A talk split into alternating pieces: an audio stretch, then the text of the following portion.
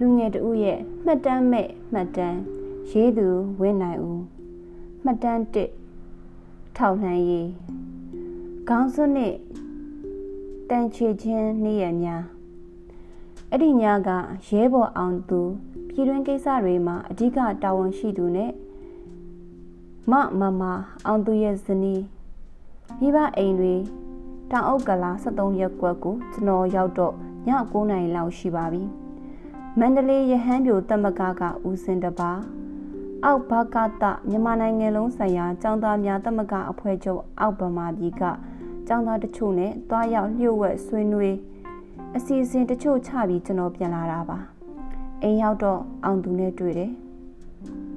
ဝေလေးနဲ့ချိန်ထားတာဒီကောင်ရောက်မလာအောင်တွေ့တွေ့ချင်းအောင်သူကပြောတယ်ဘလို့ဖြစ်တာလဲမပြောတတ်ဘူးဝေလေးအိမ်သွားစုံစမ်းကြည့်ပါလား အောင်သူထွက်သွားတယ်နိုင်ဝက်ကြတော့ပြန်ရောက်လာတယ်အိမ်ကိုလည်းဝေလင်းပြန်မရောက်သေးဘူးတဲ့သူ့မိမကပြောတယ်ကျွန်တော်အတွေးရခတ်သွားတယ်သူ့မိမဘလို့နေလဲစိတ်ပူနေပုံရလားဟန်အန်အေးအေးဆေးဆေးပဲဒီလိုပဲပြန်မလာတဲ့ညတွေရှိတယ်ဆိုတော့ဒီကောင်ခန့်ဖန့်အဖက်ခံရနိုင်ပြီလို့အောင်သူထင်လားမပြောတတ်ဘူးဘာမှမဆိုဖြစ်နိုင်တဲ့အခြေအနေပဲကျွန်တော်တွက်ချက်ကြည့်တယ်အဖြေမရဘူး စိတ်နဲနဲလေးလာတယ်ကိုမြို့ထဲသွားလို့ရနိုင်လားမရတော့ဘူးအခုချိန်10နာရီထိုးတော့မယ်ကားတွေစိုက်ကယ်တွေလုံးဝမရှိတော့ဘူးလမ်းပေါ်မှာလူတွေလည်းမရှိတော့ဘူးစစ်ကားတွေပဲပတ်မောင်းနေတယ်ဟုတ်တယ်ကာဖျူးက10နာရီဆိုစပြီ9မိနစ်10မိနစ်ပဲကျန်တော့တာည10နာရီကမနက်4နာရီအထိညမထွက်ရအမိတ်ဘာမှမတက်နိုင်ဘူးဒီအိမ်မှာအိပ်ရတော့မှာပဲ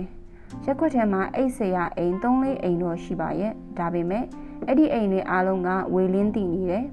အဖမ်းခံရတဲ့လူတစ်ယောက်သူ့မဟုတ်အဖမ်းခံရပြီလို့တန်တရားဝင်တဲ့လူတစ်ယောက်သိနိုင်တဲ့နေရာတွေမှာမနေသင့်ဘူးဒါပေမဲ့ဘာပဲပြောပြောအခုချိန်ကျွန်တော်မှရွေးချယ်စရာမရှိဘူးဝေလင်းလည်းအဖမ်းခံရခြင်းမှခံရမှာခုလောက်ဆိုအိမ်ပြန်ရောက်နေမှာပေါ့စသဖြင့်ကျွန်တော်ဖြည့်တွေးနေမိရဲ့အောင်သူကတော့နှစ်လမ်းသုံးလမ်းကျော်ကအိမ်မှာသွားအိတ်တယ် ဘာပဲဖြစ်ဖြစ်မနက်၄နာရီတော့မြင်မြန်ရောက်ချင်တယ်၃နာရီခွဲလောက်ဆိုရင်ကျွန်တော်ဒီကထွက်မယ်မန္တလေးတက်မယ်ရန်ကုန်ကနေခဏရှောင်မယ်မန္တလေးမှာလုံးစရာတွေရှိနေတယ်အတွေးတွေရှုပ်ရှက်ခံနေတယ်ကျွန်တော်စိုးရင်လုံးပြီးအတွေးတွေရှုပ်ရှက်ခံနေတာထင်ပါရဲ့ဒါနဲ့စိတ်ထဲမှာပေါ့ပေါ့ပပဖြစ်အောင်အိမ်သားတွေနဲ့ဟိုးပြောဒီပြောစကဝိုင်းဖွင့်နေလိုက်တယ်ရေရဲမုံမောပေါ့10နာရီ10နာရီခွဲ17နာရီ 17နာရီခွဲ12နာရီဟုတ်တယ်12နာရီလောက်လဲရောက်ရောအိမ်ထဲကိုထောက်လန်းရေးတွေဝင်လာပါလီရောသူတို့ဝင်လာတာတိတ်မြန်တာပဲ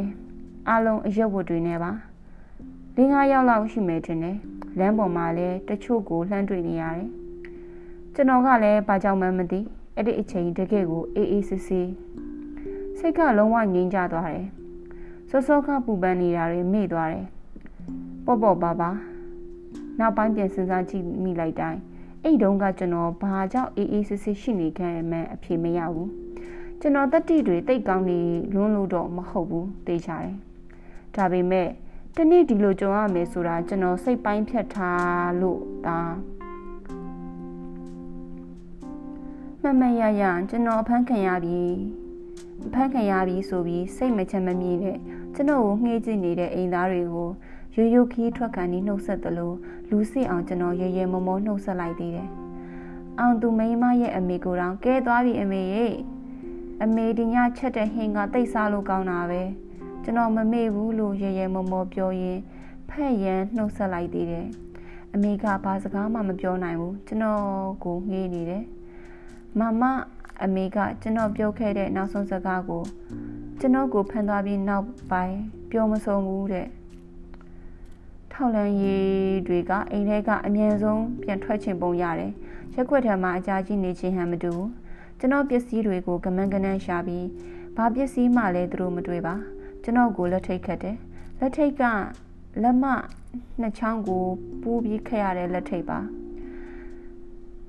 အန်သူကကိုလည်းသူတို့သွားအိတ်တဲ့အိမ်ကနေဖမ်းလာတာတွေ့ရတယ်ဇော်ထပ်ပါမလဲလာဖက်နဲ့ထောက်လန်ရေးထဲကအကြီးဆုံးလို့ယူဆရသူကမေးတယ် ဇော်ထက်ကကျွန်တော်ထိုင်းမှာရှိတဲ့ရှိတုန်းကပြည်တွင်းကိုအရင်ဖြို့ဝက်လွတ်ထားတဲ့ရဲဘော်ပါကျွန်တော်ကမနေ့ကလေးကထွက်သွားတာပြန်မရောက်သေးဘူးဘယ်မှရှိနိုင်လဲမပြောတတ်ဘူးသူတို့ကညာတွင်ချင်းအခုံအောင်ဖမ်းချင်ပုံရတယ်အမှန်ကစောထက်ဘက်မှရှိနေတယ်ဆိုတာကျွန်တော်သိပါတယ်ညကမှသူ့ကိုကျွန်တော်တနေရာလှုပ်လိုက်တာပဲရဲဘော်စောထက်ရဲ့ဆွဆွခန်းတွေအကြောင်းကိုစွန့်စားခန်းတွေအကြောင်းကိုပြောမယ်ဆိုအများကြီးပါ တာဝန်တစ်ခုပေးလိုက်ရင်ဘလောက်ပဲအခက်ခဲရှိရှိဘလောက်ပဲအချိန်လေးပေးပေးမပေးပေးဘလောက်ပဲအန်ဒီရဲ့များများမဖြစ်ဖြစ်အောင်လုပ်တတ်ပြီးလုပ်ပြီးရင်လည်းဟောဒီမှာကျုပ်ပြဆိုပြီးရင်းကော့ပြောတတ်တဲ့ရဲဘော်ပါအခုတော့အဆုံးသွားရှာပါပြီအဲ့ဒီညတခြားရဲဘော်နှစ်ယောက်ရဲ့အိမ်ကိုလည်းတခြားထောက်လန်းရေးအဖွဲ့နှစ်ဖွဲ့ကတွားဝိုင်းသေးကြောင်းနောက်ပိုင်းမှသိရပါတယ်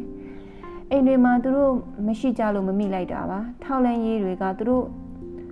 သူတို့ထင်ရတဲ့နေရာတွေတွားရောက်မှွေးနောက်ရှာဖွေပေမဲ့ဇော်ထက်ကိုလည်းမမိလိုက်ပါလမ်းထက်ရောက်တော့ထောက်လန်းရေးတွေကကျွန်တော်နဲ့အောင်သူကိုအသင့်နှိုးအသင့်ဆက်နှိုးထားတဲ့ E2000 ကားပေါ်ကိုတက်ခိုင်းပါတယ်။ထောက်လန်းရေးတယောက်ကဘေးမှာကျွန်တော်ခါကိုတနက်ပြောင်းနဲ့ခတ်တင်းတင်းထောက်ထားတယ်။ဥက္ကဋ္ဌဥက္ကလာကလမ်းကျန်းတော့ကားကခုန်နေတယ်။ ဝုံဝုံတိုင်းတိုင်းကားထဲမှာတိတ်ဆိတ်လို့ထောက်လန်းရေးတွေကလည်းဘာစကားမှမပြောကြဘူး။ကျွန်တော်တခုခုပြောချင်လာတယ်ဒါနဲ့အောင်သူကိုမျက်စိလှမ်းမိတ်ပြလိုက်တယ်ကားတစ်ချက်ခုံလိုက်တိုင်းခုံလိုက်တိုင်းကျွန်တော်နံဘေးကိုထောက်ထားတဲ့တနက်ကကျွန်တော်ကိုစောင်းစောင်းတိုးတာတိတတိထားမိတယ်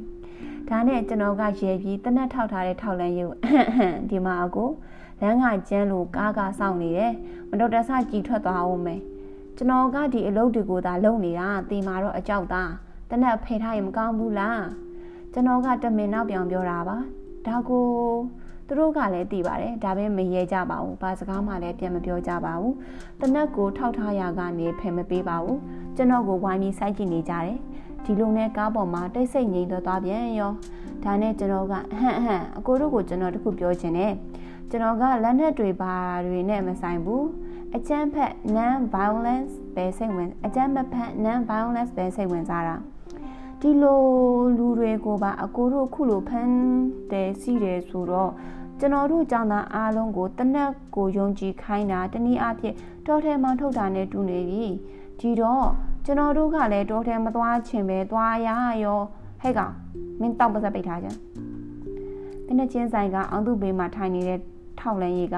အန်ကျိတ်တန်နဲ့လှမ်းပြောလိုက်ပါတယ်မဟုတ်ဘူးလေအကိုတို့စဉ်းစားကျွန်တော်စကားမဆုံးလိုက်ဘူးဘေးကကျွန်တော်နံဘေးကိုတနက်ပြောင်းနဲ့စောက်ထိုးလိုက်တာအင်းအသက်ရှူကျက်သွားတယ်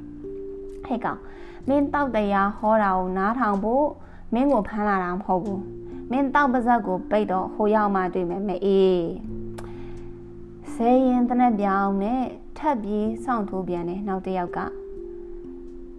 အောက်ကိုဆင်းထိုင်စမ်း ကျွန်တော်တို့နှစ်ယောက်လဲခုံပုံကအစင်ပြီးကြမ်းမြေပေါ်ထိုင်ရတယ်ပြီးတော့ကျွန်တော်တို့ကိုခေါင်းစွပ်အမဲကြီးဆွတ်ချလိုက်တယ်မဲမှောင်သွားတယ်ဘာမှမမြင်ရတော့ကျွန်တော်လည်းနည်းနည်းတွန့်သွားတယ်အန်ဒီရဲ့အနံ့စရလာတယ်ကားကဟိုကွေ့ဒီကွေ့မောင်းနေရတာသတိထားမိတယ်အကွေ့တွေလိုက်မှန်းကြည့်တယ်များလိုက်တာကြာတော့မမှတ်မိတော့ဘူးထောက်လန်းရေးစာအုပ်တွေမှာပါလေးရှိတဲ့အတိုင်းကားထဲဖမ်းလာသူတွေနေရာမမှတ်မိအောင်လုပ်နေတာလားလို့တွေးမိတယ် နှစ်နာရီလောက်ကြာတော့ကားရက်သွားတယ်မင်းမြောက်အဟိတန်အချို့ကြားရတယ်အဆောင်ဂိတ်တစ်ခုနဲ့တူပါရဲ့နောက်တော့ကားကခြံဝင်းထဲမောင်းဝင်လိုက်တယ်လို့ထင်မိတယ်ခဏကြာတော့ရက်သွားတယ်ထားစမ်းသွားခေါင်းစုမဲမဲတူတူဆုတ်ထားတော့ကျွန်ုပ်မျက်လုံးထဲမှောင်ပိန်းနေတာဒီကြားတဲ့လက်ထိတ်ကလည်းခတ်သေးဆိုတော့ကားအနောက်ဖက်ကိုခြေထောက်နဲ့ဆမ်းပြီးသွားရတယ်အောက်ပြုတ်ကျသွားမှဆိုးလို့ပါတကယ်တော့စိုးရင်စရာမလိုပါဘူးဒီလို ကားကျန်းပြင်ကိုဆန်းဆန်းသွားနေချိန်မှာပဲထောက်လန်းရေးတယောက်ကအနောက်ကနေကျွန်တော်ကိုတအားဆောင်ထည့်လိုက်တာကားပေါ်ကနေအောက်ကိုဘလို့ပြုတ်ကျသွားမှန်းကိုမသိလိုက်ဘူး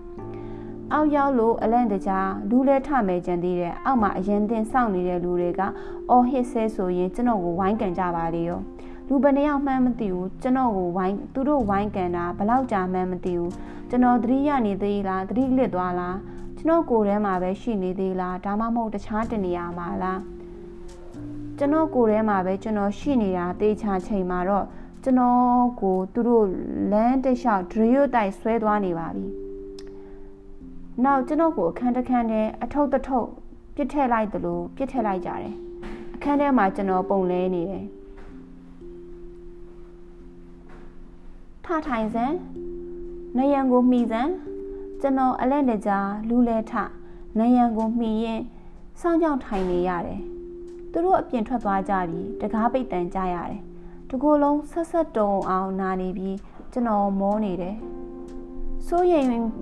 ပူပန်စိတ်လဲတစိမ့်စိမ့်ဝင်လာတယ်ဒီကောင်တွေလုံပုံကင်ပုံကတောက်ရမ်းကြီးပါလားဘာတွေဖြစ်အောင်မှာလဲမှန်မရတာကပိုဆိုးတယ်ခေါင်းစွပ်ကြီးကလည်းဆွတ်ထားတယ်ခေါင်းစွပ်ထဲမှာမှောင်မဲနေတော့ အားငယ်သွားသလိုပဲလူကမျက်လုံးဒီအလင်းကိုပဲအားကိုးရတာမဟုတ်လားမျက်လုံးရှိနေပေမဲ့မမြင်ရမှောင်မဲမဲကြီးဖြစ်နေတော့စိတ်ကငယ်သွားတာနဲ့တူပါရဲ့မရေရာမသေးချာတလိုကြီးခံစားရတယ်ခေါင်းစွပ်ဆွတ်တဲ့ကိစ္စမှာလူနဲ့နေရာတွေကိုမမတ်မိအောင်ဆိုတဲ့အပြင်ဒီလိုစိတ်ထားမျိုးဝင်သွားအောင်ရွယ်ပုံရပါတယ်ထောက်လန်းရေးအဆက်ဆက်ရောက်ခြင်းမှာဖန်ဆီးလာသူတွေကို လူအဆင့်အတန်းမပေးပဲအောက်တန်းစားတရဝတကောင်လိုတရိษံတကောင်လိုနှိမ်ချရိုင်းပြပြီးဆက်ဆံတာတွေကလည်းတိမ်ငယ်စိတ်ဝင်သွားအောင်ကိုကိုကိုယုံကြည်မှုပြတ်သွားအောင်လုပ်တာပဲအဲ့ဒီတုန်းကအဲ့ဒါတွေကျွန်တော်မသိပါဘူးအခန်းထဲမှာတော့ကျွန်တော်တယောက်တည်းတိတ်ဆိတ်လို့မောဟိုင်းလို့လောင်အိုက်လို့ခြောက်ချားလို့ပြီးတော့စိတ်တွေရှုပ်ထွေးလို့နေသေးတယ် ကျွန်တော်အထင်တနာရီလောက်လားနှစ်နာရီလောက်လားအကြာမှာတကားကဒိုင်းကနေစောက်ကန်ဖွင့်တန်းကြားရတယ်လန့်သွားတယ်ဟေးဟေးဟေးနဲ့ညာတန်တွေပေးဝုံဝုံတိုင်းတိုင်းနဲ့အခန်းထဲပြေးဝင်လာကြတယ်တောမှာနွားအုပ်ပြိုင်ကြတယ်လို့ပဲညညပပတ်တွေအော်ဟေးဆဲရေးကျွန်တော်ကိုစစ်ဖက်တွေနဲ့ဝိုင်းကန်ကြဝိုင်းနှင်းကြမမရရတယောက်ကငါနဲ့ကင်တို့ပြီးမျက်နှာတက်တက်ကိုဖြတ်ရလိုက်တာ ကျွန်တော်မျက်လုံးထဲမီးဝင်းဝင်းတောက်သွားတယ်လက်ထိတ်ကနောက်ပြန်ခတ်ထားတာဆိုတော့မျက်နှာကိုလက်နဲ့ပိတ်လို့မရဘူးပေါ့နောက်တစ်ခါဒီလိုဖြတ်ရိုက်ပြန်တယ်မျက်လုံးထဲဝင်းခနဲ့နောက်တစ်ခါဝင်းခနဲ့နောက်တစ်ခါအာမျက်လုံးတွေမျက်လုံးတွေရှိသေးရလားလွင်းစင်များထွက်ကြသွားပြီလားမျက်လုံးထဲဆေးဆေးပြစ်ပြစ်အရည်တွေကျလာတယ်ဟုတ်သွေးတွေလားဟေး မင်းတို့ကမင်းတို့ကိုမင်းတို့လဲလှပြီထင်နေလားလွတ်ပေးထားလို့ထားမှမသိမအေးဘေးတွေကျွန်တော်ငြိမ်နေတယ်အတန်မထွက်အောင်မနေစူးစမ်းနေရတယ်မကြီးနဲ့မအော်နဲ့လမ်းတုံးကအဲ့လိုစကားတွေဘာတွေပြောအောင်လေကွာတရားတွေဟောအောင်လေဒီ non violent နာကွာတကယ် non violent ကဒီမှာကွာရိုက်တယ်ထက်ရိုက်တယ်ကန်တယ် ရိုက်တယ်မရက်ကြတော့ဘူးလားမရက်ကြတော့ဘူးလားရှင်ကျေးတဲ့ဟောဒီရာစုကြီးမှာပညာတတ်တယောက်အရက်ရွှေရွှေပိန်ပိန်ကိုင်းကိုင်းသူရဲကောင်းဖြစ်ဖို့စိတ်ဝင်စားဘူးဒါပေမဲ့အတိပ္ပယ်တစုံတရာနဲ့အသက်ရှင်လို့သူလူသိက္ခာငြိမ်ချင်ရင်တရားမျှတမှုနဲ့ချစ်ချင်းမြတ်တာကိုသာယုံကြည်သူအဲ့လိုလူတရားကိုလေအဲ့လိုကျွန်တော်ဘယ်ရောက်နေပါလဲကျွန်တော်မောနေတယ် အတန်ထွက်ကြည့်တယ်မရအောင်စစ်ဖက်နဲ့တွေစစ်ဖက်နဲ့တွေအရှိမနောက်မှာဝဲမှာရာမှာတစ်ခါတစ်ခါရင်ဘတ်ပေါ်မှာအဲ့ဒီအချိန်လူတယောက်ရဲ့ဘဝဟာဘာမှတေချာမှုမရှိဘူးအသက်ရှင်မှု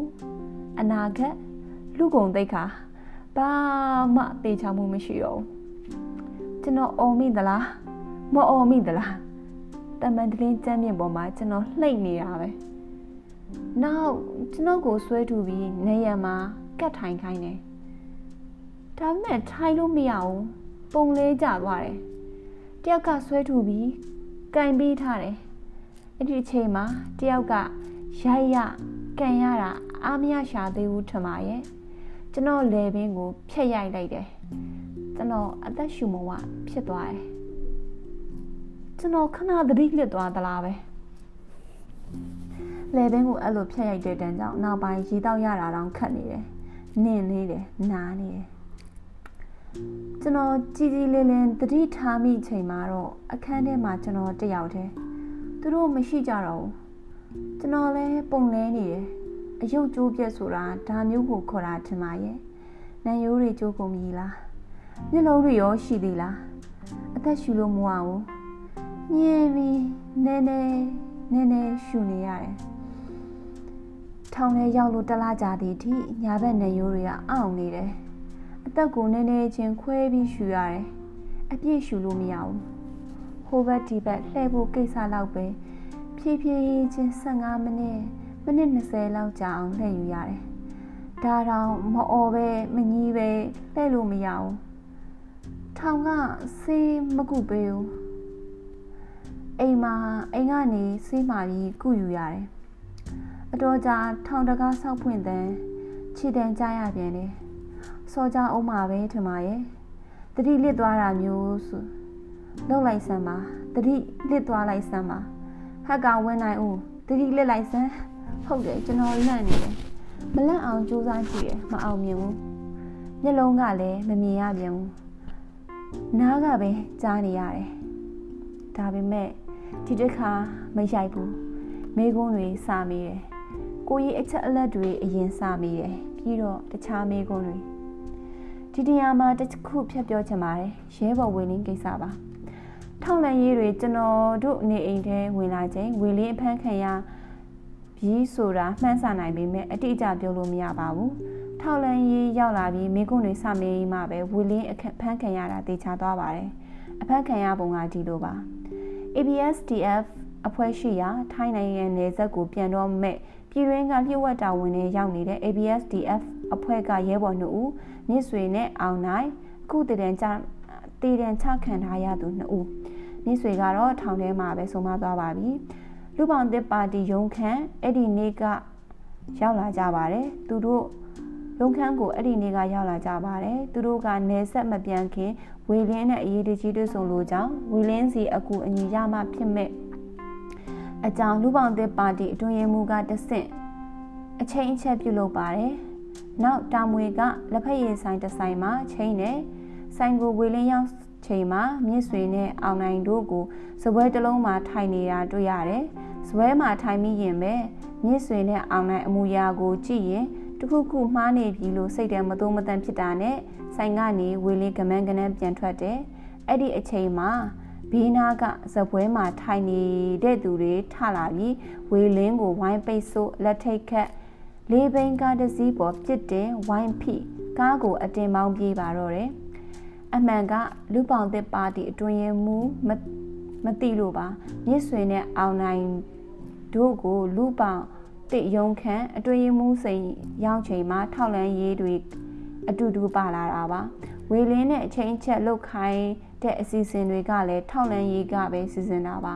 မြစ်ဆွေနဲ့အောင်နိုင်တို့ကနေဆက်ကနေလက်နက်တွေတင်သွင်းလာသူတွေနေဆက်ပြန်ခံနီးမှာဖမ်းမိသူတွေဖြစ်ပါတယ်သူတို့အမှုတွဲမှာအဖမ်းခံရတဲ့သူတွေမနှဲပါဘူး Oh my god ထောက်လန်းရေးတွေကကျွန်ုပ်ကိုကြမ်းပြင်ကနေနောက်မိပါတဲ့ခုံတလုံးပေါ်ပြောင်းထိုင်ခိုင်းပြီး ပြောင်းထိုင်ခိုင်းတယ်ကျွန်တော်ကလည်းမှီနေတယ်ဘယ်အချိန်ဘယ်နေရာဘယ်အချက်ရိုက်တော့မယ်ဆိုတာ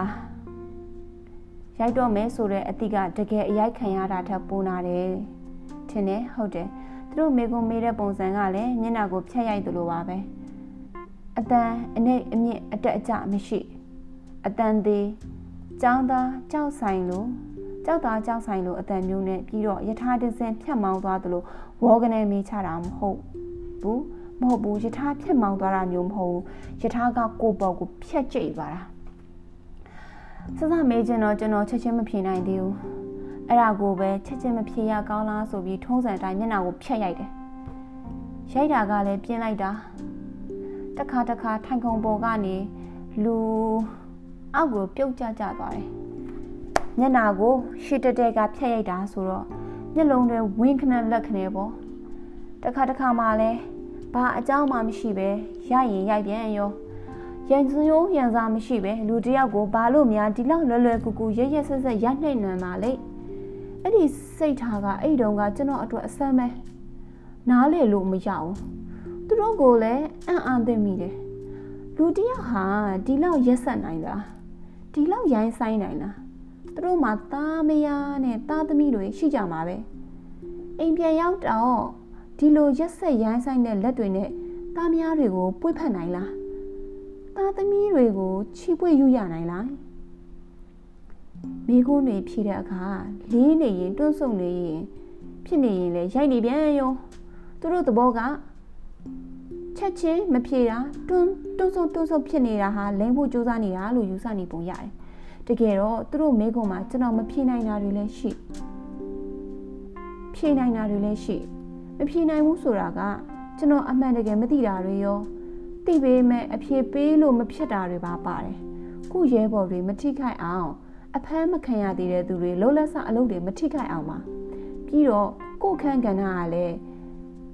မကြည့်မအောင်ပေါ့ကိုတာဝန်ကြီးတယ်လို့သူတို့မယူဆရင်အမှုပေါ်တယ်ပေါ့ကိုကကိုအကြောင်း ကိုကိုအကြောင်းပြပြီးအဖမ်းခံရတဲ့သူအရေးအတွက်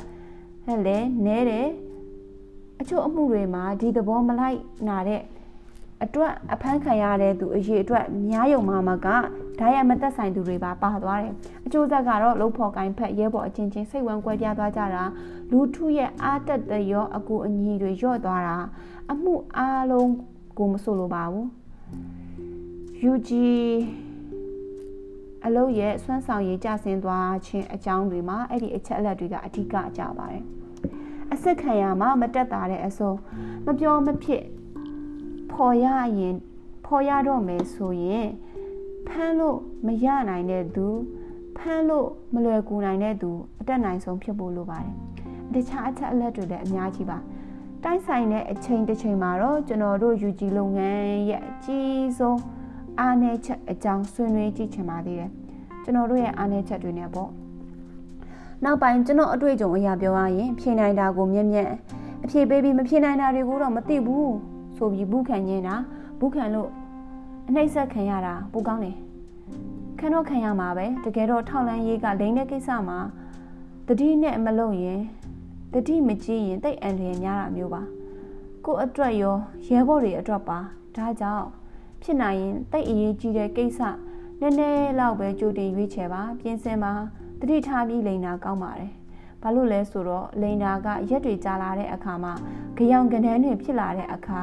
နောက်မှလည်းဖြစ်လာတယ်ကိုဘလို့လိန်ထားတယ်ဆိုတာကိုဘာသာကိုမေ့သွားတော့တချို့လိန်ထားတာတွေပေါ်သွားပြီးအဲ့ဒီခါကျတော့မှသူတို့ကပိုးပြီးပတ်ပတ်ဆက်ဆက်ရရဆက်ဆက်လုပ်ပါတယ်တပြိုင်တည်းဖမ်းမိတာ2ယောက် 2ယောက်အထက်ဖြစ်ခဲ့ရင်လူခွဲမိတယ်လူခွဲစစ်ပြီးထွက်ချက်တွေကိုပြန်တိုင်းစစ်တာကြောင့်လိန်ဖို့အခွင့်အလန်းကနည်းသွားတယ်ခက်တယ်အဖြေဖြေတဲ့အခါတွေမှာလည်းအမြန်ဖြေရတာဆိုတော့တခါတရံမရည်ရွယ်ပဲတချို့အစတွေထွက်သွားတတ်တယ်အဲ့ဒီအစတွေကိုထောက်လန်းရေးတွေကယူသွားပြီးတခြားလူကိုသွားစစ်တယ်အဲ့ဒီလူစီကထွက်လာတဲ့အစတွေကိုယူပြီးနောက်တစ်ယောက်ကိုစစ်တယ် တိုက်စစ်လှဲစစ်တပတ်ရိုက်စစ်အယုံသွင်းစစ်ဒါကြောင့်လိန်ဖို့မလွယ်ဘူးတယောက်တည်းပဲသိတဲ့အချက်အလက်တွေဒါမှမဟုတ်အတူတူဖန်ခံရတဲ့လူတွေမသိနိုင်တဲ့အချက်အလက်တွေဆိုရင်တော့ကိုပြရည်ရင်ပြရည်တလောက်လွတ်လွတ်လပ်လပ်လိန်လို့ရတယ်အကျိုးသည့်အကြောင်းသိလိန်လို့ရတယ်မေးခွန်းတွေမေးတာမှာမေးပြီးသားတွေထပ်ပြန်မေးတာမျိုးအကြိမ်ကြိမ်မေးတာမျိုး ကိုယ်အရင်အဖက်ခံရတဲ့သူတွေကိုကိုယ်နဲ့ဆက်ဆက်နေတဲ့သူတွေတွက်ချက်သူတွေကိုအချက်ကိုင်းပြီးစစ်မေးတာမျိုးရှိတယ်အဲ့ဒီနီးနဲ့အချက်အလက်တချို့သူတို့သိထားနှစ်ရထားနှစ်တာနဲ့ကိုယ်နဲ့မသိနိုင်ဘူးဒီတော့သူတို့ထောက်လန်းရေးတိတ်သိနေပါလားဆိုပြီးအထင်ကြီးစိတ်ဝင်ပြီးတော့လိန်ဖို့ဖုံဖို့ဖြစ်နိုင်မလားဆိုတဲ့ကိုကိုကိုမယုံကြည်မှုတွေစိတ်မချမှုတွေဝင်လာတယ် တိတ်မလိန်ရဲတော့ဘူးပေါ့ရေမတိုက်တာကတော့တော်တော်ဆိုးတယ်မိကွန်းတွေကလည်းစတိုက်ဖြေနေရတယ်နှစ်ရက်လောက်ကြာတဲ့အထိကျွန်တော်ကိုရေမတိုက်ဘူးနှကန်းတွေလည်း6ပြီးကွဲနေတယ်ဖူးယောင်နေတယ်မျက်နာမှာနှကန်းတွေရှိနေတာမသိလိုက်မသိဖာတာမဟုတ်တော့ပဲတက်တက်ကြီးပင်မန်းခံထားရတယ်လို့ပဲနှကန်းတွေကတက်တက်ကြီးအပင်ပန်းခံမှထားရတယ်လို့ပဲ နှစ်ရက်လောက်ကြာတဲ့အခါမှာရေတိုက်ဖို့ကျွန်တော်ထပ်ပြောတယ်တကယ်တော့ပြောခဲ့ရတာအကြိမ်ကြိမ်ပါပြောတိုင်းအရိုက်ခံရတယ်ဒါပေမဲ့မတက်နိုင်ဘူးရေစာတာကအရိုက်ခံရတာထက်ပိုဆိုးတယ်ထင်လာတယ်ကားကောင်းစွာဒီတစ်ခါမရိုက်ဘူးကောင်းပြီရေတိုက်မယ်ဒါပေမဲ့တခုမင်းအရင်ရေး ABSDF ဗဟိုကိုမင်းတင်ခဲ့တဲ့အစီရင်ခံစာစာမျက်နှာ60ကျော် အဲ့ဒီဟာကိုမင်းရေးပြင်းရေးတိုက်မယ်စာမျက်နှာ60ကျော်ကျွန်တော်ဘယ်မှတ်မိမလဲဒီလောက်အများကြီး60ကျော်လည်းမဟုတ်ပါဘူးမလိမ္မာနဲ့မှတ်မိတလောက်ရေးစာမျက်နှာ60ကျော်တယ်အဲ့ဒီအစီရင်ခံစာငါတို့ရထားပြီးပြီဒါဆိုကျွန်တော်ဘာလို့ရေးခိုင်းနေရလဲရှာမရှိနဲ့ရေးခိုင်းချင်လို့ရေးခိုင်းတာရေးသူကစာရွက်နဲ့ဘောပင်ကိုချပေးပြီးအပြင်ထွက်သွားတယ်လက်ထိတ်ဖြုတ်ပေးထားခဲ့တယ်ပြီးတော့အပြင်ကနေလမ်းអော်တယ် ခေါင်းဆွတ်ချွတ်လိုက်ငါပြန်လာလို့တကားဖွင့်တန်ကြရင်ခေါင်းဆွတ်ပြန်ဆွတ်ကျွန်တော်ခေါင်းဆွတ်ဆွတ်လိုက်တယ်ချွတ်လိုက်တယ်အာ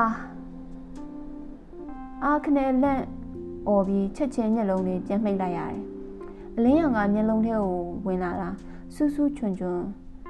နဲ့ထိုးဆောက်လိုက်တယ်လို့ပဲစူးလိုက်တာနားလိုက်တာရေကလည်းတိတ်ဆာနေတယ်ရေမတော့ရပဲလူတယောက်ဒီလောက်အကြာကြီးနေနိုင်တာဟုတ်ရောဟုတ်ရဲ့လား ယုံတော့မယုံချွန်းစာရွက်နဲ့ဘောပင်ကိုကောက်ယူတယ်စဉ်းစားတယ်ဘာရင်းရင်ကောင်းမလဲစာမျက်နှာ60ကျော်တဲ့ပြဿနာအစီရင်ခံစာသူတို့ရထားတယ်ဆိုတာတကယ်များလားကျွန်တော်တွေးဝေသွားတယ်စဉ်းစားမရဘူးဒီလိုနဲ့ကျွန်တော်စပြီးရေးတယ်ခေါင်းထဲမှာစာလုံးတွေမပေါ်ပဲရေတွေပဲပေါ်နေတယ်ရေတွေတိတ်တောက်ချင်တာပဲလက်တွေတုံးနေတယ် တနင်္လာလောက်အကြာမှာတကားဖွင့်တန်းကြရတယ်ဒါနဲ့ကမန်းကနက်ကောင်းစုကိုပြင်ဆွတ်လိုက်ရတယ်စောစောကလူဝင်လာတယ်အရှိမထိုင်နေကျွန်တော်ရေးလက်စစာရွက်ကိုလှမ်းယူတန်းကြတယ်ဖြောင်းကျွန်တော်မျက်နှာကိုဖျက်ရိုက်တယ်တောင်မျက်လုံးနဲ့ဝင်းခနေပဲဖြောင်းဖြောင်းထက်ရိုက်တယ်ဘဲပြန်ညာပြန်မျက်နှာတက်တက်ကိုဖျက်ရိုက်တာဖျက်ရိုက်လိုက်တိုင်းလဲလူကအနောက်ကိုရိုင်သွားတယ်သူကဆဲတယ် တနိုင်လောက်ကြာတာတော့ဒီတမျက်နှာပဲရသလားကွာကျွန်တော်စဉ်းစားလို့ရတာဒီလောက်ပဲဟဲ့ကောင်ကိုကိုကိုလည်းပြန်ကြည့်အောင်လူလည်းလှုပ်ထားတာကြေးနေပြီဒါတောင်တောက်မှမရှိဘူးကိုကိုကိုမနှမျောဘူးထင်ပါတယ်ဟုတ်လားမအေးอืมငါပြန်ထွက်မယ်ထရေးဒီမှာဟက်ကောင်ရီဒီရတာမလုံးနဲ့တေပြီးလို့အေယိုးပဲကြံရင်တော့အေယိုးကိုရိုက်စစ်မှာ တေပြီးလို့အယိုးပဲကျန်တာတော့အယိုးကိုရိုက်စစ်အောင်မှကွာတိလာဘာမှတ်လဲဇွဲကိုဖြောင်းကနေရောက်ချပြီးသူပြန်ထွက်သွားတယ်ကျွန်တော်ဘယ်လိုလုပ်ရမှာလဲအစီရင်ခံစာသူတို့ရထားပြီးပြီတဲ့အစ်နေတာလားအစ်နေတာဆိုရင်ဘာလို့အစီရင်ခံစာအကြောင်းနဲ့မျက်နာစာမျက်နာအရေးအတွက်တွေပြောနိုင်တာလဲတကယ်ပဲတနည်းနည်းနဲ့သူတို့ရထားပြီလားကျွန်တော်မှန်းလို့မရဖြစ်နေတယ်ဒီပါဦးအဲ့ဒီအစီရင်ခံစာက ABSDF ဘ ਹੁ ကိုတင်ထားတာဘ ਹੁ ကိုတင်ထားတယ်ဆိုတာတော့တကယ်တော့ထိပ်ပိုင်း၄ယောက်လောက်ကိုပဲအစီရင်ခံစာပေးထားတာမဟုတ်လားဘလို့ဖြစ်ပြီးကဲမတက်နိုင်ဘူးလွက်ကမှလွဲရောလွဲလို့ရိုက်ကမှရိုက်ရောသူတို့လက်ထဲအစီရင်ခံစာရောက်မနေဘူးလို့အရင်ယူဆထားတာကောင်းမယ်ကျွန်တော်စမ်းချင်စိတ်ပေါက်နေတယ်ဟုတ်တယ်ဒါပေမဲ့ဘာအကြောင်းအရာရင်းရင်ကောင်းမလဲကျွန်တော်စဉ်းစားလို့ဘာမှပေါ်မလာဘူး ရေတွေပဲပေါ်လာရေးစားလိုက်တာရေရေကျွန်တော်ဘောပင်ကိုကင်ပြီးစရေးတယ်ရေပြီးရင်ရေပြီးရင်ရေးတယ်ခေါင်းထဲမှာပေါ်သမျှရေးတယ်ရေတော်လန်ရေးကြတော့စိတ်တမ်းမရှိဘဲနဲ့တော်လန်ရေးတော်လန်တော့အတွေ့အခေါ်တရက်မရှိနိုင်တော်လန်ရေးအတွေ့အခေါ်တရက်မရှိပဲစစ်မှန်သောတော်လန်ရေးတရက်မဖြစ်နိုင် ထို့ကြောင့်ကျွန်တော်တို့မှာတော်လန်တော်လန်ရေးကြသောစိတ်ဓာတ်ပထမဦးစားပေးတည်ဆောက်ကြရမယ်ကျွန်တော်တို့သည်အောင်မြင်မှုနဲ့ထိုက်တန်သူများဖြစ်သည်လွတ်လပ်ရေးဒီမိုကရေစီရေးငြိမ်းချမ်းရေးလူကုန်သိက္ခာလူသားချင်းချင်းအချစ်စိတ်အနာခက်နိုင်ငံတော်သည့်သူမတူချင်းအတူအတူရှင်သွဲနေထိုင်ခွင့်လေးစားဆောင်ကွဲပြားခွင့်တမိုင်းဝင်ရွေးချယ်မှုမညီမျှတဲ့အသည့်ကျွန်တော်တို့တော်လိုင်းရေးအရေးကြီးဆုံးအဆင့်နှစ်ဆင့်အသက်ရှင်မှုအတွက်တိုက်ပွဲလို့ အတွေ့အခေါ်အတွက်တိုက်ပွဲလို့ခေဤငြိမ်းချမ်းမှုအသက်နဲ့တောင်းဆိုမှုအသက်များကမ္ဘာအခင်းအကျင်းအသက်ကျွန်တော်ဘာတွေရင်းနေမိလဲမသိဒါပေမဲ့ရေးတော့တိတ်ရေးလို့ကောင်းတာပဲတခုရှိတာကကျွန်တော်ကိုရေးခိုင်းရင်ဒါမျိုးရေးမှာပဲလို့သူတို့မျှော်လင့်ထားတာမျိုးအ ਨੇ ဆုံးတော့ဖြစ်မလားကျွန်တော်ရေးနေတယ်အစီအစဉ်လည်းမကြဘူးဒါပေမဲ့ကျွန်တော်ရေးနေတယ်ရေးရေးရေးရေးအတွက် ဘလောက်ကြာသွားမှန်းမသိဘူးတကားဖွင့်တဲ့ကြားရတယ်ဟိုလူပြန်လာတယ်ကျွန်တော်လည်းဘောပင်ကိုကမန်းကနေချခေါင်းစုပ်ကိုပြန်ဆွတ်လိုက်တယ်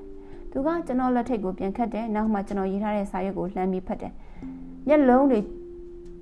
ကြွတ်ထွက်လွတ်စင်သွားမတက်ဖြစ်လာအောင်မျက်နာကိုဘလောက်များဖြတ်ရိုက်မှာပါလေထိတ်ထိတ်တလန့်လန့်နဲ့စောင့်နေတယ်ကျွန်တော်ရေးထားတာ10မျက်နှာလောက်တော့ရှိမယ်ထင်ပါရဲ့ဝင်းနိုင်ဦးကံကောင်းစံအေးဒီလိုမှပေါ့မင်းရှေ့ရမယ် ကျွန်တော်လည်းတက်ပြင်းချမိတယ်သူဘာလို့လက်ခံသွားပါလဲမသိဘူးကျွန်တော်မှအကြောင်းကြောင့်နဲ့ဒါမဲ့တေးချတာကကျွန်တော် ABSDF ဘဟုကိုတင်ခဲ့တဲ့အစီရင်ခံစာသူတို့ရတယ်ဆိုတာမဟုတ်နိုင်တော့ဘူးဒါပေမဲ့အဲ့ဒီအစီရင်ခံစာအကြောင်းနဲ့စာမျက်နှာအရေးအတွက်သူဘယ်လိုလုပ်သိနေပါလဲစာမျက်နှာ60ကျော်ဆိုတာလည်းဟုတ်နေတယ်သူတကားပိတ်ပြန်ထွက်သွားတယ်ခဏကြာတော့ပြန်ဝင်လာတယ်ကျွန်တော်ရှေ့တစ်ခွက်ရေးချပေးတယ်ခေါင်းစုပ်ကိုအောက်နားစကိုအတာမပေးတယ်ငေါ့ကိုမုံမကြည့်နဲ့တောက်ခ တ်တာကကျွန်တော်လက်ထိတ်ချွတ်မပေးပဲလက်ထိတ်ကအနောက်မှာနောက်ပြန်ခတ်ထားတယ်ရေခွက်ကိုတွေ့တယ်အဖိုးကြီးအကျန်းပကံအလုံးသေးနဲ့တလုံးပါဒါနဲ့ကျွန်တော်လဲကိုယ့်ကိုရှေ့ကိုင်းပြီးပကံလုံးကိုနှက်ခမ်းနဲ့တိတ်ပြီးတဝက်ဝက်တကောင်လိုရေကိုပြုတ်ခနဲ့ဆုပ်တောက်လိုက်တယ်တဝက်ပဲတောက်ရသေးတယ်တော်ပြီဆိုပြီးပကံလုံးကိုဆွဲသွားတယ်ကျွန်တော်ရေပေးပါပြောတယ်ဆက်မပြောနဲ့တဲ့ကျွန်တော်စိတ်ထဲကျသွားတယ်သူကမိကုန်းလေးဆက်မိတယ် ဒီလိုနဲ့နေရင်အတော်ကြာတော့ကျွန်တော်စိတ်ကူတစ်ခုရလာတယ်ဒါနဲ့အိမ်သာတက်ချင်တယ်လို့ပြောတော့လိုက်တယ်တောက်ရည်ထဲမှာလို့သူကပြောပြီးကျွန်တော်လက်ထိတ်ဖြုတ်ပေးတယ်တွဲပြီးလိုက်ဖို့ပေးတယ်အင်တာထဲရောက်တော့တကားပိတ်ခေါင်းစုပ်ကိုချွတ်လိုက်တယ်တောက်မှာညင်ညစ်ပတ်ပတ်ရေအိုးနှကန်းပတ်လေးတစ်လုံးတွေ့တယ်အင်တာသုံးဖို့ရေအဲ့ဒါနဲ့အိုးထဲကိုကြည့်လိုက်တော့ကျွန်တော်ကန်ဆိုးတယ်ရေကအကတ်အသက်လေးပဲကျန်တယ် အပေါ်စားအင်တာရေးဆိုပြီးဆိုတော့ညစ်လဲညစ်ပတ်နေသေးတယ်မတက်နိုင်ဘူးအိုးကိုအိုးမုတ်ခွက်ကိုယူရေကိုချစ်ခတ်လိုက်တယ်ချစ်ကနေအတန်မြည်သွားတယ်ဝုံအင်တာပြင်ကနေဟိုလူခက်လန်းလန်းဟိုလူကအုတ်ခဲနဲ့လှမ်းထူတယ်ထွက်စမ်းမတာအင်တာရေတောက်မလို့မဟုတ်လားချက်ချင်းထွက်မအေးဟာဘာပြောကောင်းမလဲအယုတ် အယုတ်တနတ်တအော်ကြီးခစ်ကျဲမကြောက်ဝမနာတာတွေဆွဲနေလိုက်တာအင်သာရှေ့မှာဆူညံနေတာပဲကျွန်တော်လည်းအလက်တကြားနဲ့လက်ထဲကအုံမုတ်ခွက်လွတ်ကျသွားပြီးအင်သာထဲကကမန်းကနန်းထွက်ရတယ်ကျွန်တော်စဉ်းစားမိတယ်။အော်အင်သာရေကိုတော့ဒီလူတွေမတရာကြပါလားလို့တော့ပါသေးရဲ့မရိုက်လို့ရိုက်တာလည်းမခံနိုင်တော့လောက်အောင်ပဲရိုက်လိုက်ရင်လည်းအသားတွေပဲ့ကြရွှေကြမလားတောင်ထင်ရတယ်ကျွန်တော်ကိုထောက်လန်းရေး ဆက်လေးထောင်ထဲမှာအဲ့ဒီနံပါတ်ကိုသိရတယ်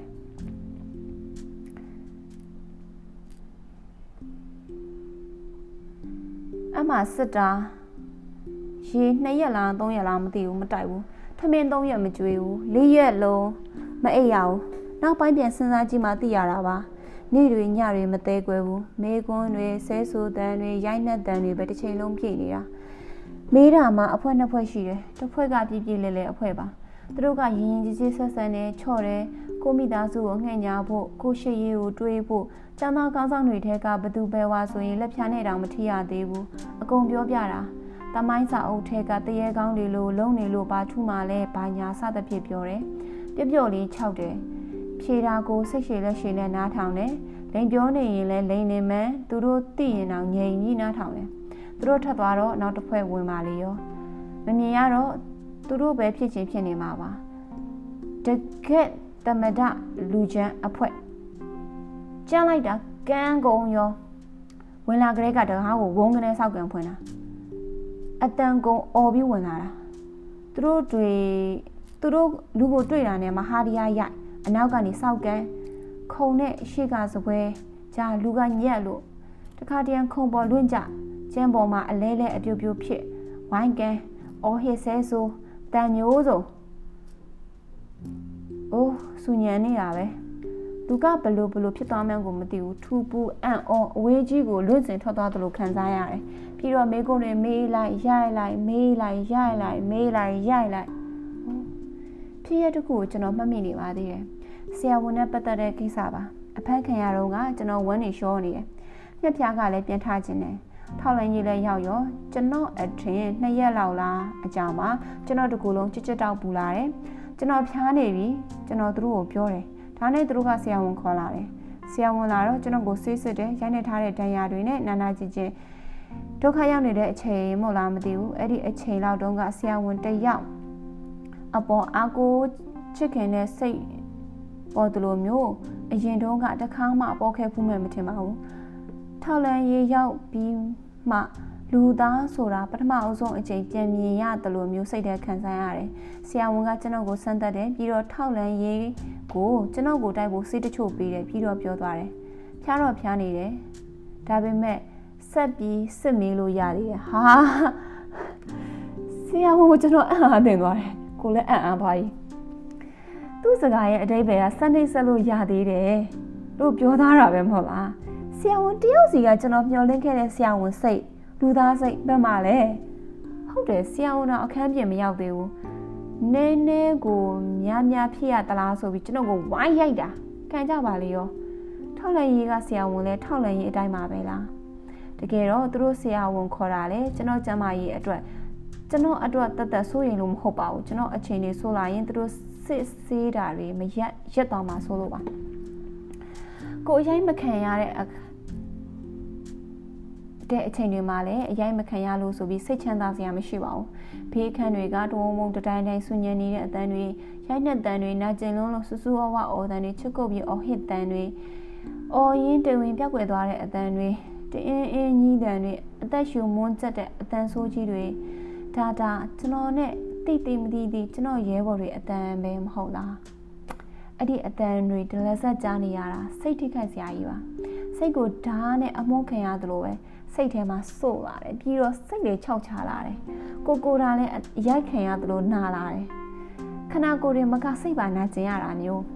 မစားရမအိပ်ရနေတာကြတော့စိတ်ကကစင့်ကလေးဖြစ်လာတဲ့မျိုးပဲဟုတ်တယ်စိတ်ကစုလို့ကိုမရဘူးစိတ်ကပြက်ပြီးခနာကိုစီကထွက်ပြေးသွားသလိုမျိုးသူတို့မေးခွန်းတွေဖြေရမှာလဲအဖြေကကပေါက်တိကပေါက်ချာအရှိနောက်လွဲတာမျိုးဖြစ်လာတယ်တခါတခါတချင်းတန်တွေလိုလိုမြမအတန်ကသတင်းကျင်ညာတန်တွေလိုလို BBC အတန်လင်းချက်တွေလိုလို တခါတခါလဲသတင်းကျင်ညာတဲ့အထက်မှာကျွန်တော်နာမည်ကိုအတိုင်းသားကြားနေရတယ်ကျွန်တော်နာမည်တွေကိုអော်ပြီးអော်နေတာကြားရတယ်တကယ်လည်းမဟုတ်ပဲနဲ့ဘာတွေဖြစ်နေပြီလဲဘာမှမကွဲတော့နောက်ပိုင်းရက်တွေမှာတော့အစောပိုင်းရက်တွေကစားရင်အရိုက်ကျဲသွားတယ်နဲသွားတယ် mental torture တွေပဲများလာတယ်တကယ်တော့အရိုက်နဲသွား ဒါဟာအရင်အတိုင်းဆက်ရိုက်လို့မဖြစ်တော့လို့ပါလူကရစ်ခဲ့ပဲကျွန်တော်တယ်မလားဒါကိုသူတို့သိပါတယ်ဒါကြောင့်အရင်လိုမရိုက်တော့ဘူးဘာပဲဖြစ်ဖြစ်အရင်လိုအရိုက်ခံရပြီးရက်ပေါင်းများစွာသတိမေ့သွားရင်ကောင်းမှာပဲလို့တွေးမိတယ်ဒါမှရုပ်ပိုင်းစိတ်ပိုင်းနာကျင်မှုတွေနားတဲ့ကိုစူးနဲ့ရိုက်သွင်းသလိုမေးခွန်းတွေလူမဆန်တဲ့မှုတွေကနေလွတ်မြောက်မှာမဟုတ်လားသူတို့ကလည်းသတိမေ့မျောသွားတာကိုလက်ခံခြင်းပုံမရပါဘူး မေးခွန်းတွေမမေးနိုင်ဖြစ်မှာဆိုလို့ပါဒါကြောင့် physical touch တွေကိုရှော့ပြီး mental touch တွေကိုပို့လို့လာတာပါ၄ရက်နောက်ပြေးချိန်မှာထောက်လန်းရေး14ကနေထောက်လန်းရေး6ကိုကျွန်တော်တို့ကိုလွှဲပြောင်းပို့လိုက်ပါတယ်အဲ့ဒီတော့ကထောက်လန်းရေး6မှန်းမသိပါဘူးမပို့ခင်ကျွန်တော်ကိုပြောတယ်မင်းအခုသွားရမယ့်နေရာကတို့ထောက်လန်းရေးမှာအကြီးဆုံးဌာနပဲမင်းတို့နဲ့ပတ်သက်တဲ့အချက်အလက်တွေအဲ့ဒီဌာနမှာအကုန်ရှိရဲ့ သူတို့ကအကုန်သိတယ်ငါတို့ထက်ကျန်းတယ်ဒီတော့မင်းဖော်ထုတ်မပြောခဲ့တာတွေအခုသွားထုတ်ပြောအဲ့ဒီနေရာအခုထုတ်ပြောဒါဆိုအဲ့ဒီနေရာကိုမပုံကျွန်တော်သိသိများအကုန်ပြောပြီးပြီကျွန်တော်လိမ့်လိုက်တယ်ကြံသေးတယ်ကျွန်တော်လည်းဘာမှမပြောပဲငြိမ်နေလိုက်တယ်အေးဗတ်တက်နိုင်မလဲမင်းထိုင်နေမင်းကန်ပေါ့ကွာစိတ်မကောင်းသလိုအတန်နဲ့ပြောတယ်အဲ့ဒီအချိန်ကျွန်တော်ခေါင်းစွပ်ဆွတ်ထားလို့သူ့ရဲ့စိတ်မကောင်းပုံမျက်နှာတူကြီးကိုတော့မမြင်လိုက်ရတာစိတ်ချမ်းသာပါတယ် သူတို့စကားတိုင်းဆိုရင်နောက်ထပ်ထောက်လိုက်ရင်မှဘလောက်ဆူဆူဝဝတွေကျွန်တော်ကြုံရအောင်မှာပါလေကျွန်တော်စိတ်ပူသွားတာတော့အမှန်ပါပဲဒီလိုနောက်ထပ်ထောက်လိုက်ရင်စကန်ထောက်လိုက်ရင်6ကိုရောက်သွားပါလေရောထောက်လိုက်ရင်စကန်ရောက်တော့ကားပေါ်ကနေဆင်းတာနဲ့ကျွန်တော်ကိုတယောက်ကဘေးတွဲရင်ဘဲကွညာကွတိုင်မိမယ်ခေါင်းငုတ်ရှင်မာလေးကားတစ်စံပြေတက်စတဲ့အမိတ်တွေကိုပေးပြီးခေါ်သွားတယ်နောက်ဆုံးအခန်းတစ်ခန်းရောက်သွားတယ်ကျွန်တော်ကလတ်ထိုင်တလုံးပေါ်ထိုင်ခိုင်းပြီးတယောက်ကမေးတယ် လက်ထိတ်နဲ့ခေါင်းစွပ်တော့မချွတ်ရသေးဘူးစိတ်ထင်3နိုင်လောက်ကြာမလားပဲဒီထက်ကြာမလား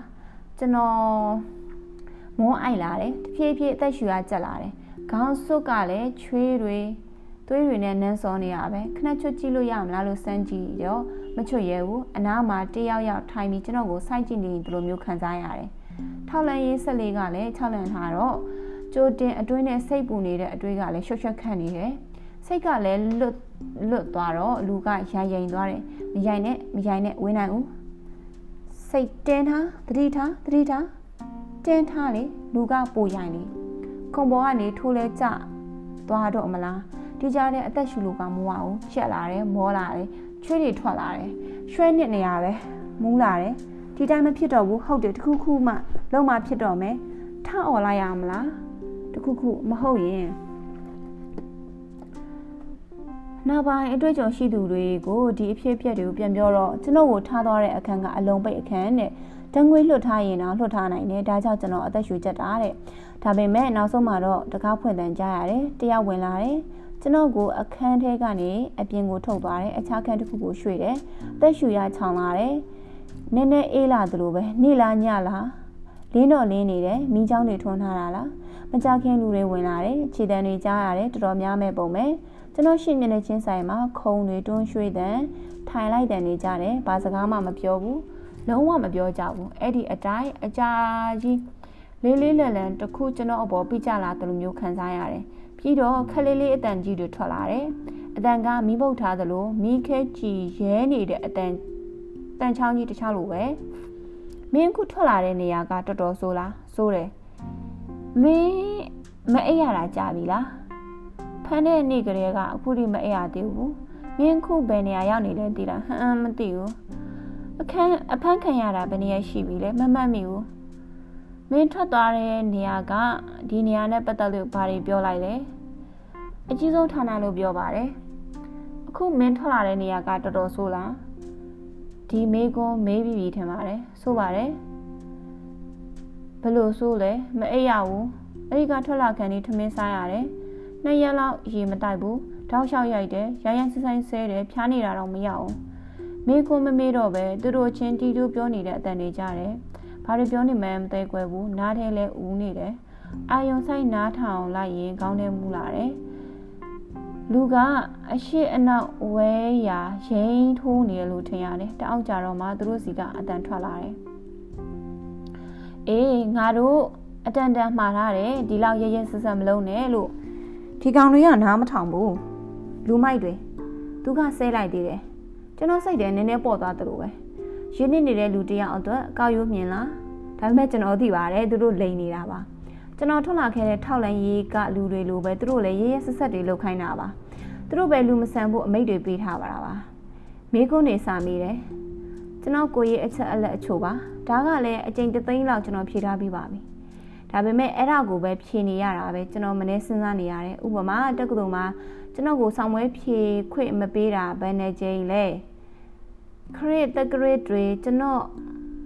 အတော်နဲ့ဦးလေးနာမည်စတာတွေအစစဉ်းစားတိုင်းသိပ်ပင်ပန်းတာပဲ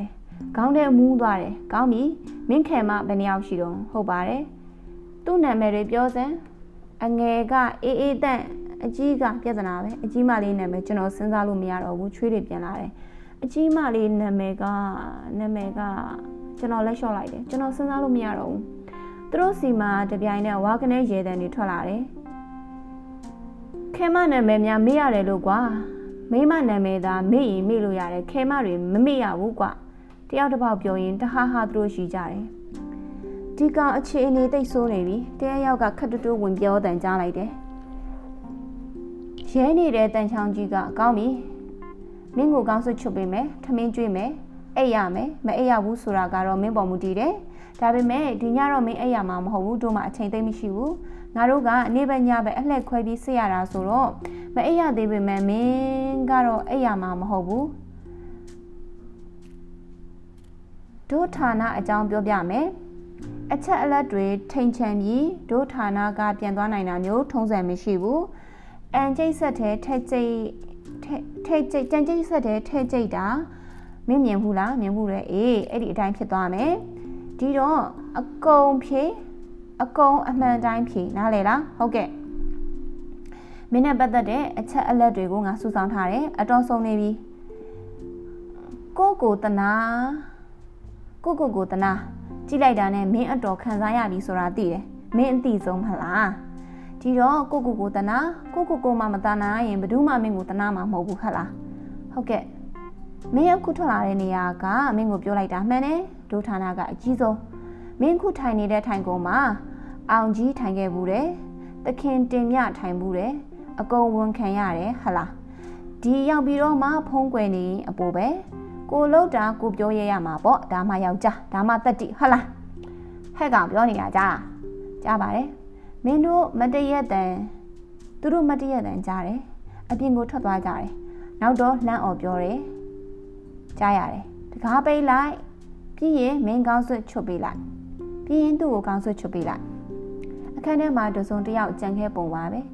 ကောင်းစွတ်ချွတ်ပေးတော့ပြုံးခနဲ့ညက်လုံးချင်းဆက်သွားတယ်ချက်ချင်းဖွင့်မရဘူးလူကတော့တော်တော်ပေါ့သွားတယ်ပုတ်စော်နန်းနေတဲ့အမိုက်ပုံထဲခေါင်းထိုးထည့်ရထားတဲ့ဘဝကလွတ်သွားတာကို အသက်ရှူလို့ကောင်းတယ်ရှူရှူဝင်းနိုင်ဦးရှူရှူဒေးကိုပါမဟုတ်ပဲဘဝကိုပါရှူခန္ဓာရည်ကိုပါရှူအနာဂတ်ကိုပါရှူရှူရှူအလင်းရောင်မမြင်ရတာကြာပြီဆိုတော့အတော်ကြာမှမျက်လုံးဖွင့်လို့ရတယ်အရှိကထိုင်ကုန်းမှာအသက်40လောက်လူတယောက်ကျွန်တော်ကိုစိုက်ကြည့်နေတယ်ဟမ်ဒါမျက်လုံးတွေမဖြစ်နိုင်ဘူးဖန်ကော်လီတွေပဲဖြစ်မယ်သူ့မျက်နာကကြောက်ပြန်တစ်ချက်လိုဟာလာဟင်းလင်းလေဘင်းမှာဆွဲကြိုးခက်ကြီးကြီးတကုံဆွဲထားတယ် နိုင်ကလည်းရွှေရောင်အကောင်းစားအသားညိုညိုခင်တိုတိုမျက်နာမှာကြောက်ပေါက်မှာတချို့တွေ့ရတယ်အတော်ကြာမှသူကအသက်အေးအေးလေးနဲ့မင်းစမှုတက်ကတော်နောက်ဆုံးနဲ့နော်ဟုတ်ပါတယ်မင်းပညာတတ်တယောက်ပဲမင်းကိုငါတို့ကောင်းကောင်းမွန်မွန်ဆက်ဆံမယ်မင်းထွက်ခဲ့တဲ့နေရာတွေမှာဆူဆူဝါဝါမင်းကြုံရခဲ့ပြီးပြီမဟုတ်လားကျွန်တော်ငြိမ်နေလိုက်တယ်အေးပထမအောင်ဆုံးမေးချင်တာက mask CIE ကလား mask ဆိုတာထိုင်းနိုင်ငံဘန်ကောက်မြို့မှာနေပြီးမြန်မာနိုင်ငံဒီမိုကရေစီအရေးနဲ့ကျောင်းသားတွေကိုကူညီတဲ့အမေရိကန်ပါကျွန်တော်နဲ့လည်းကောင်းကောင်းမရင်းနှီးပါဘူး ABSDF အဖွဲ့နဲ့အတူကျွန်တော်ရဲ့တီးခြားလုပ်ငန်းစဉ်တွေကိုစိတ်ဝင်စားပြီးကူညီသူတွေပါမြန်မာကျောင်းသားတွေအပေါ်အလွန်စိတ်ရှည်သူတီးခံသူသူကလက်နဲ့တော်လိုင်းရေးတို့ဘာတို့ယုံကြည်သူမဟုတ်ဘူးလူထုနီးအကြမ်းမဖက်နှလုံးရည်နီးတွေယုံကြည်သူပါမသိဘူး အဲ့လိုမလုံးနဲ့လေမင်းကိုကောင်းကောင်းမွန်မွန်ဆက်ဆံနေတဲ့အခါပြန်မေးမယ် mask က CIA ကလားကျွန်တော်မသိပါဘူး CIA ကဖြစ်လဲဖြစ်မယ် Christian အသင်းတစ်ခုခုကဖြစ်လဲဖြစ်မယ် CIA ကပါကွာမင်းသိပါတယ်တကယ်လို့ तू CIA ကဖြစ်နေရင်တော့ကျွန်တော်မသိနိုင်ပါဘူးကျွန်တော်တို့ကိုခွဲခြားနိုင်တဲ့အတတ်ပညာသူတို့ကိုခွဲခြားနိုင်တဲ့အတတ်ပညာကျွန်တော်တို့စီမှာမရှိပါဘူး CIA ကလို့ပြောကွာ ကျွန်တော်တကယ်မသိလို့ပါဒါပေမဲ့ CIA ကဟုတ်မဟုတ်သိနိုင်တဲ့နီလန်တော့တစ်ခုတော့ရှိရဲ့ဒီလိုမှပေါ့ပြောစမ်းကွာအဲ့ဒီနီကို max ကိုထောက်လိုက်ရေးခေါ်ပြီးစစ်လိုက်ရင်ကောင်းမလားပဲဟာကျွန်တော်အဖြေလဲပြီးတော့သူဘာပြောကောင်းမလဲကျွန်တော်ကိုထရိုက်တာမြန်လိုက်တာခုံပေါ်ကနေကျွန်တော်ကျမ်းမြင်ကိုဘလို့ပြုတ်ကျသွားမှန်းတော့မသိဘူးကျွန်တော်ကထိုင်နေတာတောင်ရိုင်းနေတာမဟုတ်လား ဆဲတာကလည်းမျိုးစုံပဲကျွန်တော်ကျမ်းမြေလဲလဲကြတော့ပြန်မထနိုင်ဘူးလက်ကလည်းလက်ထိတ်နေမဟုတ်လားကျွန်တော်ကလည်းဒီလိုစကားမျိုးဘာကြောင့်ပြောမိမှန်းအခုထိစဉ်းစားလို့မရအောင်လက်ဒကောင်လက်ကားကောင်မင်းဟာပညာတတ်မဟုတ်ဘူးတောက်လက်ကားကောင်လူလိန်အောက်တန်းစားကလေးကချီလူညစ်ကျမင်းပေါ်မှာလဲနေတဲ့ကျွန်တော်ကိုစက်ဖနက်နဲ့သူလှိမ့်လှိမ့်ကန်တယ်ဘလောက်ကြာသည်အထိသူစက်ကန်လည်းမပြောတော့ဘူးအကြာကြီးပဲကျွန်တော်လည်းအင်ကနေအင်ကနေလှိမ့်ခံနေရတာ ဖွဲအိတ်တအိတ်လို့အတန်ထွက်ပြီးလို့တော့ကျွန်တော်မှမអော်နိုင်မလုပ်နိုင်ဘူးနောက်တော့ကျွန်တော်ကိုဆွဲပြီးခုံပေါ်မှာပြန်တင်တယ်ကျွန်တော်ခုံပေါ်မှာငိမ့်နေအောင်မထိုင်ပဲရိုင်ထိုးနေတော့သူကြိုးတစ်ချောင်းသွားယူပြီးကျွန်တော်ကိုခုံနှောက်မီနဲ့ဆွဲတင်လိုက်တယ်ကျွန်တော်ကလည်းညီးနေတယ်ကျွန်တော်ကိုသူနည်းနည်းကျူးနာတတ်သွားသလားမသိဘူးအေးအေးဆေးဆေးပြန်ဖြစ်သွားတယ်အမှန်တော့မဟုတ်ပါဘူးစိတ်တိုင်းကြလုံးလိုက်ရတာမို့လို့အာသာပြေသွားတာဖြစ်မှာပါ လူကလှုပ်ထားတာကြေနေပြီဒါတောင်တောက်မှတ်ကမရှိဘူးဟဲ့ကောင်မင်းရဲ့အဆင့်လေးရေးစစ်စီမံကိန်းကိုရေးစမ်းကျွန်တော်လက်ထိတ်ကျွန်ုပ်ကိုလက်ထိတ်ဖြုတ်ပေးတယ်သူအပြင်ထွက်သွားတယ်သူပြောတဲ့အစ်စ်လေးစစ်စီမံကိန်းဆိုတာရွေးကောက်ပွဲမတိုင်ခင်3လအတွင်းအကောင့်ထဲပေါ်ဖို့ပါဒါပေမဲ့လက်တွေ့မဆောင်ရွက်နိုင်ဖြစ်ခဲ့ပါဘူးအဲ့ဒီအချိန်တုန်းကသူသူသူတို့တည်သွားလဲကျွန်တော်အတွက်ဘာမှအဆုံးရှုံးမရှိဘူးဒါပေမဲ့စိတ်ထဲနောက်ကျင်နေတဲ့စဉ်းစားရတာကအဲ့ဒီကိစ္စတွေသူတို့ဘလို့တည်သွားတာလဲ အစင်လေးစစ်ဆိုတဲ့စကားလုံးအထိသူတို့ဘလို့တည်သွားတာလဲဘယ်သူဖော်တာလဲဒါမှမဟုတ်တနည်းနည်းနဲ့အဲ့ဒီစီမံကိန်းစာရဲ့သူတို့ရသွားတာများလားကျွန်တော်စိတ်တဲ့အတော်ကျသွားတယ် ABSDF ဘိုကပါလဲသတင်းလုံခြုံမှုမရှိရလားဒီလောက်အရေးကြီးတဲ့ကိစ္စတွေဘာလို့ပေါက်ရတာလဲကျွန်တော်တန်တရားမျိုးစုံဝင်လာတယ်တအားလုံးနေတော့သူပြန်ဝင်လာတယ်ကျွန်တော်ရေးထားတဲ့စာရွက်တွေကိုဖတ်တယ်ဘာမှပြန်မပြောဘူးကဲနောက်တစ်ခုအထူးကိစ္စများစီစဉ်ဆောင်ရွက်ရေးကမတီဆိုတာပါလေ ကျွန်တော်လန့်သွားတယ်သိကြပြီအစစ်လေးစင်စီမံကိန်းတွေမကပဲဗဟိုကိုတင်ထားတဲ့လုပ်ငန်းစဉ်အသေးစိတ်အစာတန်းသူတို့ရထားပြီအဲ့ဒါအပြင်တခြားဘာတွေသူတို့ရထားသေးလဲဘလို့ဖြစ်တာလဲကျွန်တော်ငိုကြလာတယ်လုတ်ဖို့ကင်ဖက်အချင်းချင်းအပြစ်ပယ်ခံရတယ်လို့တစ္ဆာဖောက်ခံရတယ်လို့ခံစားရတယ်အားငယ်သွားတယ်ဘလို့ဗဟိုမျိုးပါလဲကျွန်တော်လဲကျွန်တော်ကိုကျွန်တော်တက်နိုင်တလောက်ထိမ့်ပြီး အဲ့ဒီကမ္ပဏီကတသက်ပါကျွန်တော်နဲ့မဆိုင်ပါဘူးသူ့အလုပ်ကစစ်စင်ရေးနဲ့ဆက်ပြီးပြင်တွဲမှာအလင်းအမြန်ရွှေ့ရှာတုတ်ပြန်ဆောင်ရွက်နိုင်ဖို့အလုပ်ပါကျွန်တော်နဲ့ဓာတ်ရိုက်မသက်ဆိုင်လို့တိတိကျကျမသိပါဘူးဟုတ်ပြီအဲ့ဒီကမ္ပဏီကတာဝန်ယူထားတဲ့သူကိုတော့မင်းသိမှာပေါ့ကျွန်တော်ကလည်းခေါင်းထဲအလုပ်ရှုပ်နေပြီတတိထားတတိထားဟုတ်ကဲ့သိပါတယ်နာမည်ပြောသိန်းစောပါ အဲ့ဒီနာမည်ခေါင်းထဲကဘလို့ပေါ်လာတာလဲမသိဘူးကျွန်တော်အသိထဲမှာသိန်းစောဆိုတာမရှိဘူးအမှန်အဲ့ဒီ company committee အတွက်တာဝန်ခံလဲမရွေးချယ်ရသေးပါဘူးဟုတ်ပြီအသက်အသက်25လောက်ရှိမယ်ပုံစံပြောစမ်းကျွန်တော်အကြိုက်ရိုက်သွားတယ်တခုခုပြောမှဖြစ်မယ်မျက်လုံးပြူစပင်ကနှာခေါင်းပွားပွားအသားညညိုအရက်9ပေ6လမ်းမှလောက်ရှိမယ်ထင်တယ်ဘယ်မှာနေလဲ ကြည့်မြင်နိုင်ဘက်ကဖြစ်မယ်သူနဲ့ဘယ်နှခါတွေ့ဘူးလဲဘန်ကောက်မှာတစ်ခါတွေ့ပြီးကြတဲ့ကထပ်မတွေ့တော့ဘူးကျွန်တော်ပြောတဲ့အချက်လက်တွေဟာထိုင်းနိုင်ငံနေဆက်ကျွန်တော်အတိတယောက်ရဲ့ပုံကိုစိတ်ကူးပြီးပြောနေတာဖြစ်ပါတယ်တပည့်တကယ်တော့စိတ်ကူးထဲမှာဟဲ့ကောင်ဝင်းနိုင်ဦးမင်းပြောတာတွေမင်းဟာမင်းတေချာမှတ်ထားစမ်းအလွတ်ကြက်ထားစမ်းလို့ကိုကိုကိုသတိပေးနေရတယ်နောက်တစ်ခါပြန်မေးလို့အချက်အလက်တွေလွဲရင်သေးပြီမင်းသေးပြီဘာပြောပြောကျွန်တော်အဖြေသူတော်တော်ကျဉ်းတော့ပုံရတယ် ဒီကောင်ရန်ကုန်မှာရောက်နေပြီထင်လားอืมထင်တာပဲသူ့အိမ်သိလားမသိပါဘူးโอเคသူပြင်ထွက်သွားတယ်ပြန်ဝင်လာတော့ကော်ဖီတစ်ခွက်ကျွန်တော်ကိုပေးတယ်စိတ်လဲတောက်ချင်တယ်ရမယ်တွေ့လားငါတို့ကိုကောက်ကောက်မှုမှုဆက်ဆံရင်ငါတို့ကလည်းကောက်ကောက်မှုမှုဆက်ဆံတယ်ကိုကိုကိုတနာလာပြန်ပြီအဲ့ဒီတနာခိုင်းတဲ့အလုပ်တနာတဲ့အလုပ်ကသူတို့နဲ့လားလားမြမဆိုင်ကျွန်တော်နဲ့သာဆိုင်တဲ့အလုပ်ဖြစ်နေတော့တယ်ဒီတော့ အဲ့ဒီစကားလုံးတုံးတုံးနေတာကျွန်တော်မခံချိမကန်တာဖြစ်နေရတယ်အဲ့ဒီညကတညလုံးသူမေးခွန်းတွေမိတယ်အများစုကထောက်လန်းရေး14မှာမေးခွန်းသားမေးခွန်းမေးပြီးသားမေးခွန်းတွေကျွန်တော်ပြောနိုင်တာတွေဒီတစ်ခါမှသူကအောင်တင်ကနေတဆင်းမင်းကိုနိုင်ကိုပေးလိုက်တဲ့စာမှာမင်းဘာတွေရေးလိုက်တယ်ထိရှဝါကျော် ထိရှနေတဲ့ဝါကျော်နဲ့ကျွန်တော်ရဲ့အသွေးအသားပွတ်ဆွဲတာခံလိုက်ရတယ်လို့စက်ကနေတွန်းသွားတယ်အဲ့ဒီအကြောင်းသူဘယ်လိုလုပ်သိပါလဲတကယ်ဆိုလွယ်လွယ်နဲ့သိနိုင်တဲ့အရာမဟုတ်ဘူးကျွန်တော်စဉ်းစားလို့မရဘူးအောင်တင်ကဘကတတုဥက္ကဋ္ဌပါစားကလည်းမင်းကိုနိုင်အဖမ်းမခံရခင်လက်တလောမှာအောင်တင်ကိုကျွန်တော်ပေးခဲ့တာပါခုဆိုတစ်နှစ်တောင်ကျော်နေပြီထောင်ထဲမှာရောက်လို့အောင်တင်နဲ့တွေ့တော့မှကျွန်တော်ရှင်းသွားတယ် ကျွန်တော်အစ်စ်ခံနေရချိန်မှာကျွန်တော်နဲ့ပတ်သက်တဲ့အချက်အလက်တွေကိုသိဖို့အတွက်မင်းကိုနိုင်နဲ့အောင်တင်ကိုထောင်ထဲထည့်ပြီးစစ်ချေစစ်စေရှစ်ကျော်ရေးစကားမှာခေါ်ပြီးစစ်မိခဲ့တာ哦စာကအတူလေးပါဘာမှလည်းအရေးကြီးတာမပါပါဘူးဟဲ့ကောင်ဝိလေကောင်ပဲလုံမနေတဲ့အမင်းကိုမေးတာအရေးကြီးလားမကြီးလားမဟုတ်ဘူးဘာရေးထားလဲလို့မေးနေတာမင်းကိုနိုင်ကအိန္ဒိယဘက်ထွက်မယ်ဆိုလို့မထွက်နဲ့ဒုက္ခရောက်သွားမယ်ဘာပဲဖြစ်ဖြစ်အထဲမှာပဲနေပါ မင်းရှိရမယ့်နေရာကအိန္ဒိယမဟုတ်ဘူးအထဲမှာအားလို့ကျွန်တော်ရေးလိုက်တာပါအဲ့တုန်းက1989ခုနှစ်မလာအိန္ဒိယနိုင်ငံကနေပြည်တွင်းကိုကျွန်တော်ပြန်ရောက်ခါစသူ့ကိုကျွန်တော်လှန်တားတာပါကျွန်တော်အရန်အိတ်ချင်နေပြီတော့ပါတော့မိကွန်းတွေအဖြေတွေမိကွန်းတွေကျွန်တော်ယူချင်ပြီမနက်မိုးလင်းခါနေပြီလားဒါမှမဟုတ်နေကင်းဖက်လား ကျွန်တော်ထောက်လန်းရေးကိုရောက်နေတာဘယ်လောက်ကြာပြီလဲတရက်လားနှစ်ရက်လားအဲ့ဒီထဲမှာကျွန်တော်ဖြုံးဆိုအိတ်ချင်စိတ်ပြေးသွားတယ်ကျွန်တော်ဘေးနာခန်းကစူညံတန်တွေကြောက်ပါတိတ်တဲတဲကိုကွဲတော့မဟုတ်ပါဘူးကျွန်တော်နားဆွင်းမိနေတယ်ရန်ကုန်အရောက်မှာဝင်းနိုင်ဦးဘာတွေလုပ်ခဲ့လဲဒီကောင်ဘသူတွေနဲ့တွေ့ခဲ့လဲပြောစမ်းပြောစမ်းမသိဘူးသူကဘာမှပြောတာမဟုတ်ဘူးဒုံအာအစ်စ်လင်းစစ်စီမံကိန်းပြောစမ်း အဲ့ဒါကျွန်တော်မသိဘူးသူကမပြောဘူးဒုံအာဒါအောင်သူအတန်ဖြစ်မယ်ဟုတ်တယ်ဒုံးဆိုတာသူ့ရင်ဘက်ကိုဒူးနဲ့ကန်တဲ့အတန်ဦးဆိုတာကအောင်သူမခံချိမချိမချိမဆန်អော်လိုက်တဲ့အတန်ကျွန်တော်ရင်နဲ့နားလိုက်တာကျွန်တော်မသိဘူးသူလည်းမပြောဘူးကျွန်တော်တကယ်မသိတာပါဒုံဦးဒုံဦးအာ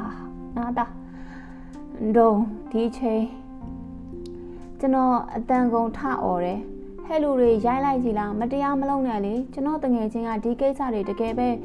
သိတာမဟုတ်ဘူးလုံးဝမသိဘူးတာဝန်ရှိတာကျုပ်ကျုပ်ပဲသိတာဘာလို့မဆိုင်တဲ့သူကိုမသိတဲ့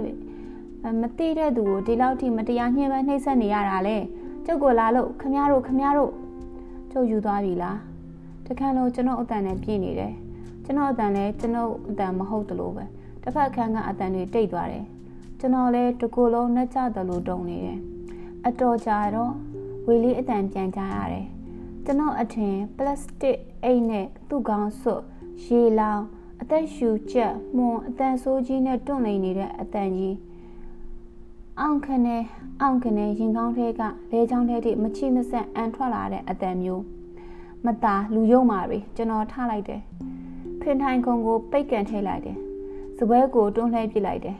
ကျွန်တော်ရှေ့ကအလူကအခန်းထဲကထွက်ပြေးတယ်အခန်းတကားပိတ်တယ်အဲ့ဒီအချိန်မှာကျွန်တော်ဘလို့ရှိနေမလဲဒံယာနဲ့သွေးယူသွေးတန်းတွေဖြစ်နေတဲ့တရိတ်ဆန်တကောင်လိုဖြစ်နေမယ်ထင်ပါရဲ့ကျွန်တော်မျက်ရည်တွေကိုပြင်သတိရမိတယ်ကျွန်တော်လည်းဝူဝူဝါးဝါးနဲ့အော်နေတယ်ဘာတွေအော်နေမှန်းမသိဘူးတစ်ဖက်ခံကအတန်တွေလည်းတိတ်သွားတယ်နောက်တော့လူသုံးလေးယောက်ဝင်လာတယ်ကျွန်တော်ကိုဝမ်းချုပ်ထားကြတယ်ကျမ်းမြေပေါ်မှာမှောက်ပြီးတက်ဖိထားကြတယ်ကျွန်တော်ကအော်နေတော့မယ် ဆေးထိုးတယ်ထင်တယ်ကျွန်တော်ဘာမှမမှတ်မိတော့ဘူးအဲ့ဒီညကကျွန်တော်အိပ်ရတယ်သူမဟုတ်အိပ်ရတယ်လို့ကျွန်တော်ထင်တယ်ထုံနေပြီနောက်တနေ့ဒါမှမဟုတ်တခြားရက်မနဲ့အစောကြီးလားရက်တွေမသေးကွယ်ဘူးကျွန်တော်နိုးလာတယ်အခန်းတစ်ခန်းနဲ့ခေါ်သွားတယ်အင်္ဂလိပ်ချခံထားရတဲ့လူတယောက်လိုကျွန်တော်ပါသွားတယ်အခန်းထဲရောက်တော့အောင်သူနဲ့ဝေလင်းကိုတွေ့တယ်ဖမ်းမိကလေးကပထမဆုံးပြန်တွေ့တာတယောက်ကိုတယောက် မပြုံးမရေနိုင်ပဲမျက်လုံးအသေးတွေနဲ့ကြည့်မိတယ်ကျွန်တော်တို့သုံးယောက်စပွဲတစ်လုံးရှိမှရက်ခိုင်းတယ်စပွဲပေါ်မှာကျွန်တော်ပစ္စည်းတချို့ကင်မရာအတန်ဖန်ဆက်ကက်ဆက်အသေးလေးနှလုံးစားရဲစားတဲ့တချို့ကျွန်တော်တို့မျက်နှာချင်းဆိုင်စပွဲရှေ့မှာကင်မရာတစ်လုံးနဲ့လူတစ်ယောက်ဖြတ်ခနဲ့ကျွန်တော်သတိရမိတယ်ကျွန်တော်တို့ကိုဗီဒီယိုရိုက်ပြီး TV ကနေသူတို့ပြတော့မယ်ဟုတ်ဟုတ်မဟုတ်ဟုတ် TV ထဲမှာသူတို့ပြောချင်တာတွေကိုတစ်ဖက်သက်ပြောတော့မယ်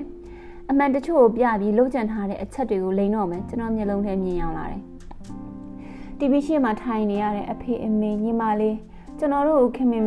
တမိုးထားတဲ့သူတွေလောလောဆယ်ကျွန်တော်ဘဝကျွန်တော်သွေးသားလို့ဖြစ်နေတယ်ကျွန်တော်လှုပ်ဖို့ကင်ဖက်တွေအဲ့လိုမဖြစ်ရဘူးဖြစ်လည်းမဖြစ်သင့်ဘူးပြင်းပနှိမ့်ဆက်ထားတဲ့ဓာတ်ဆက်ရောကိုပါကြာနေဆက်ရောကိုပါကျွန်တော်တို့ဘလို့ဘလောက်ဂျုံဂျုံကြဖြစ်နေပါလေစေကျွန်တော်တို့ကိုမြင်တဲ့အခါ ကျွန်တော်တို့စိတ်ရကြနေတယ်ထိတ်လန့်နေတယ်ပင်ပန်းနွမ်းနေတယ်လို့ကျွန်တော်တို့ကိုချစ်ခင်တမိုးထားသူတွေအတွင်းမရောက်စေချင်ဒီလိုဆိုရင်သူတို့စိတ်ဆင်းရဲကြလိမ့်မယ်ပင်ပန်းကြလိမ့်မယ်စိတ်ရကြကုန်လိမ့်မယ်ပြီးတော့ကျွန်တော်တို့ရဲ့မာနကိစ္စမှာသူတို့ကိုမုန်းတီးသူတွေရန်သူတွေကကျွန်တော်တို့အဲ့လိုမျိုးမြင်တာကိုခွင့်မပြုနိုင်ဘူးဘေးကအောင်သူကိုတိုးတိုးကပ်ပြောတယ်မျက်နှာကိုတင်းတာတင်းနိုင်တဲ့လောက်တင်းတာ ထင်ထားတဲ့အတိုင်းပဲထောင်ထဲရောက်ပြီးနောက်ပိုင်းမိသားစုထောင်ဝင်စွာတွေ့တော့ကျွန်တော်တို့တည်င်းကိုကျွန်တော်တို့ပုံတွေ TV ကပြတယ်တဲ့မိသားစုတွေကကျွန်တော်ပုံတွေကိုတွေ့တော့အားရှိသွားတယ်ကျွန်တော်တို့ပုံတွေကဘာမှ view မဆိုင်တဲ့ခက်တင်းတင်းတွေတဲ့တကယ်တော့ဒီပုံတွေမြင်ရတာနဲ့တခြားစီပါအသားကထိလိုက်ရင်တော့ပဲ့သွားတော့မလို့နာကျင်ရတယ်မေးခွန်းတွေမေးတဲ့အတန်ကြားရင်တော့ကြားဖို့နဲ့ဖြက်အရိုက်ခံရတယ်လို့နာကျင်သွားတာဒါတွေတခါတလေတော့လဲ သူတို့ကိုအရင်အရင်အတိုင်းသိစေချင်လားဒါပေမဲ့မျက်နှာတွေကသာတင်းနေတာရုပ်တွေကဂျုံဂျုံကြဖြစ်နေတာတော့သူတို့သိပါတယ်ဒါကိုကျွန်တော်အပြင်ပြန်ရောက်တော့မှသူတို့ကိုပြန်ပြောပြတာပါမမရရကျွန်တော်မိသားစုနဲ့အဆက်ဆံမလုပ်တာကြာပြီဖြစ်တဲ့အတော်တယောက်ဆိုရင်ကျွန်တော်ကို TV ထဲကနေပြတော့ကျွန်တော်ကိုမမှတ်မိဘူးဒါပေမဲ့နေရဲလိစာအတိအကျနဲ့အဖမ်းမိပြောပြီးကျွန်တော်မှန်းသိသွားတယ်သူကတာဆာညတိုင်းသားစီလို့ညညွတ်ရေးပါတီအမာခံ TV မှာကျွန်တော်ပုံကိုတွေ့ရပြီးနောက်ငါတူလေး ကိုသူတို့တွေကရရဆက်ဆက်လုပ်နေပြီဆိုတဲ့အတွေ့ဖြတ်လို့မရဘူးတဲ့ဒါနဲ့နောက်နေ့မှာတာတာဆာကကထွက်ရက်ွက်ထဲလဲပြီးတော့တာဆာညဆက်ကျင်ရေးတွေလုပ်တော့တဲ့ကြောက်တတ်တဲ့ကျွန်တော်အမေဆို TV မှာကျွန်တော်ကိုတွေ့ပြီးနောက်နေ့မှာအမျိုးသားဒီမိုကရေစီအဖွဲ့ချုပ်ရဲ့အမတ်အသားခမောက်တို့ဒေါ်အောင်ဆန်းစုကြည်လက်မှတ်တို့ဒီဇိုင်းဖော်ထားတဲ့အင်ဂျီစင်ပေါ်မှာ အင်ဂျီကိုဝတ်စင်ပေါ်တက်တရားဟောတဲ့ဗီဒီယိုရိုက်ပြီးတော့ကျွန်တော်တို့ကိုကားတစ်စင်းနဲ့ခေါ်သွားတယ်နောက်ဖွင့်ပစ်ကတ်ကားအလက်ကလေးကျွန်တော်တို့ကိုခေါင်းဆွတ်တွေဆွတ်ထားတယ်တခြားဌာနတစ်ခုပို့မှတူပါရဲ့9မိနစ်လားနိုင်15မိနစ်လားနိုင်ဝက်လားအဲ့လောက်ကြာတော့မှထောက်လန်ရေးတယောက်ခေါင်းဆွတ်ချွတ်လို့ရပြီလို့ပြောတယ်ဒါနဲ့ခေါင်းဆွတ်ချလိုက်တော့ ကားကတရားတစ်ခုပေါ်ဖြတ်မောင်းနေတာတွေ့ရတယ်ဘယ်နေရာရောက်ပြီလဲဘာတရားလဲဘေးကထောက်လန်ရေးကကိုမေးလိုက်တယ်အင်းစိန်မြည့်ထားကုန်းကျော်တရားတဲ့အင်းစိန်ကုန်းကျော်တရားတဲ့อืมအင်းစိန်ဒါကျွန်တော်ကြောင်းသားပဲဘယ်တော့ကဒီတရားဆောက်လိုက်ပါလေကားပေးလက်တန်းကနေအပြင်ကိုကြည့်လိုက်မိတယ်လူတွေလူတွေရောင်စုံလူတွေလူတွေကိုမမြင်ရတာကြာပြီလူတွေရဲ့စကားပြောရတာကြာပြီလူမဟုတ်သူတွေလူစိတ်မရှိသူတွေ လူပုံတရံနဲ့တကယ်ကလူမဟုတ်သူတွေအခွန်ကြီးတက်တက်လူတွေတနည်းနည်းနဲ့အသိဉာဏ်စိတ်သက်ဖောက်ပြန်နေတဲ့လူတွေအသိဉာဏ်နေပြီးစိတ်သက်တင်ကုတ်ခံရတဲ့လူတွေအဲ့လိုလူတွေပဲတောက်လျှောက်ကျွန်တော်တွေ့ရတာမဟုတ်လားလူတွေကိုအငမ်းမရကျွန်တော်ကြည့်နေလိုက်မိတယ်တကယ်ကိုအငမ်းမရပါလွတ်လပ်မှုလွတ်လပ်တဲ့အရာသာကျွန်တော်ပျောက်ကွယ်နေပြီဖြစ်တဲ့အရာကျွန်တော်စီမံဖန်တီးရယူနိုင်စွမ်းမရှိတော့တဲ့အရာကျွန်တော်လက်လက်မမိတော့တဲ့အရာ ဘာကြောင့်မှန်မသိတခုခုအတန်ချစ်ပြီးအော်ပြလိုက်ခြင်းနဲ့လဲချောင်းတလျှောက်ရွာတက်လာသလိုခံစားရတယ်လူတွေကိုကျွန်တော်နှုတ်ဆက်ခြင်းနဲ့ဟယ်လိုကျွန်တော်ဝင်းနိုင်ဦးပါကျွန်တော်ဘွားကရိုးရိုးလေးပါဘာမှမရှုပ်ထွေးပါဘူးလူဘွားကအတွေးအခေါ်ကိစ္စအရာရာအားလုံးမှာရိုးရိုးလေးပါကျွန်တော်ဟာတက္ကသိုလ်ကျောင်းသားတစ်ယောက်ပါကျွန်တော်မှာကျွန်တော်ဟာတော့မှမွေးတဲ့တောသားလေးတစ်ယောက်ပါ ကျွန်တော်အမေဆိုတိတ်ချစ်စရာကောင်းတာပဲသူ့သားကိုချစ်ဖို့တခုပဲအဲ့ဒီအမျိုးသမီးကြီးကတည်တာတရားမျှတမှုလွတ်လပ်မှုလုံခြုံမှုဂုဏ်သိက္ခာဒါတွေပဲကျွန်တော်လိုချင်ခဲ့တာပြီးတော့ကျွန်တော်တောင်းဆိုခဲ့တဲ့အရာပါကျွန်တော်အတွက်တင်မဟုတ်ပဲခင်ဗျားတို့အတွက်ရောပေါ့အဲ့ဒီအတွက်ဟောဒီမတရားမှုလွတ်လပ်မှုချင်းချောက်ခံရမှုဂုံတိတ်ခါချိုးနှိမ်ခံရမှုကျွန်တော်ကျွန်တော်ခံနေရပါတယ်ဟောဒီမှာကျွန်တော်လက်ထိတ်နဲ့လမ်းဘေးကအဆောင်နဲ့ ကျွန်တော်ကိုချိန်ရွယ်ထားတဲ့တနတ်နဲ့စိုးစိုးကတော့ဆိုပိုးတောင်ဆိုးသေးတယ်အပိန်အမောင်ပိန်ပိန်ခေါင်းစုအမဲကြီးနဲ့လမ်းထိပ်မှာရှောက်နေတဲ့လွတ်လပ်မှုရဲမောရဲမောနေတဲ့လွတ်လပ်မှုအဝတ်အစားအမျိုးမျိုးအရာအမျိုးမျိုးနဲ့လွတ်လပ်မှုအဲ့ဒီလွတ်လပ်မှုကိုကျွန်တော်ငေးကြည့်နေမိရယ်ဝင်းနိုင်ဦးဆိုသူတယောက်မသိတဲ့လွတ်လပ်မှုသူတို့ရဲ့လွတ်လပ်မှုအတွက်တောင်းဆိုလို့မလွတ်လပ်မလွတ်မလပ်ဖြစ်နေသူတယောက်အကြောင်းမသိတဲ့သူရဲ့လွတ်လပ်မှု သူတို့ရေမောပြောရွှင်နေချိန်မှာအဲ့ဒီတယောက်ကတော့လှောင်ပိတ်ခံထားရတဲ့အခန်းတစ်ခန်းနဲ့မချီမဆက်နာကြလုံးလို့လူးလိုက်အော်ဟင်နီးတွားနေရတာကိုမသိတဲ့သူတို့ရဲ့လွတ်လပ်မှုလွတ်လပ်မှုကိုကျွန်တော်ငှေးခြင်းမိတယ်လွမ်းတလို့လို့ဝမ်းနေတလို့လို့တခုခုကောင်းကောင်းမှတ်မိတယ်အဲ့ဒီအချိန်တုန်းကအလောက်လူတွေအပေါ်ချစ်တဲ့အချစ်စိတ်မျိုးလူတွေကိုမမတ်မမောလိုက်ငေးကြည့်ခြင်းနဲ့ အငမ်းမရစိတ်မျိုးတခါမှကျွန်တော်မှမပေါ်ခဲ့ဘူးထင်ပါတယ်လူတွေကိုကြည့်လို့ကောင်းလိုက်တာလူတွေကကြည့်ရတာအရသာရှိလိုက်တာလှလိုက်တာမကြခင်မှာခြံဝင်းကြီးတစ်ခုတည်းကိုကားကချိုးဝင်လိုက်တယ်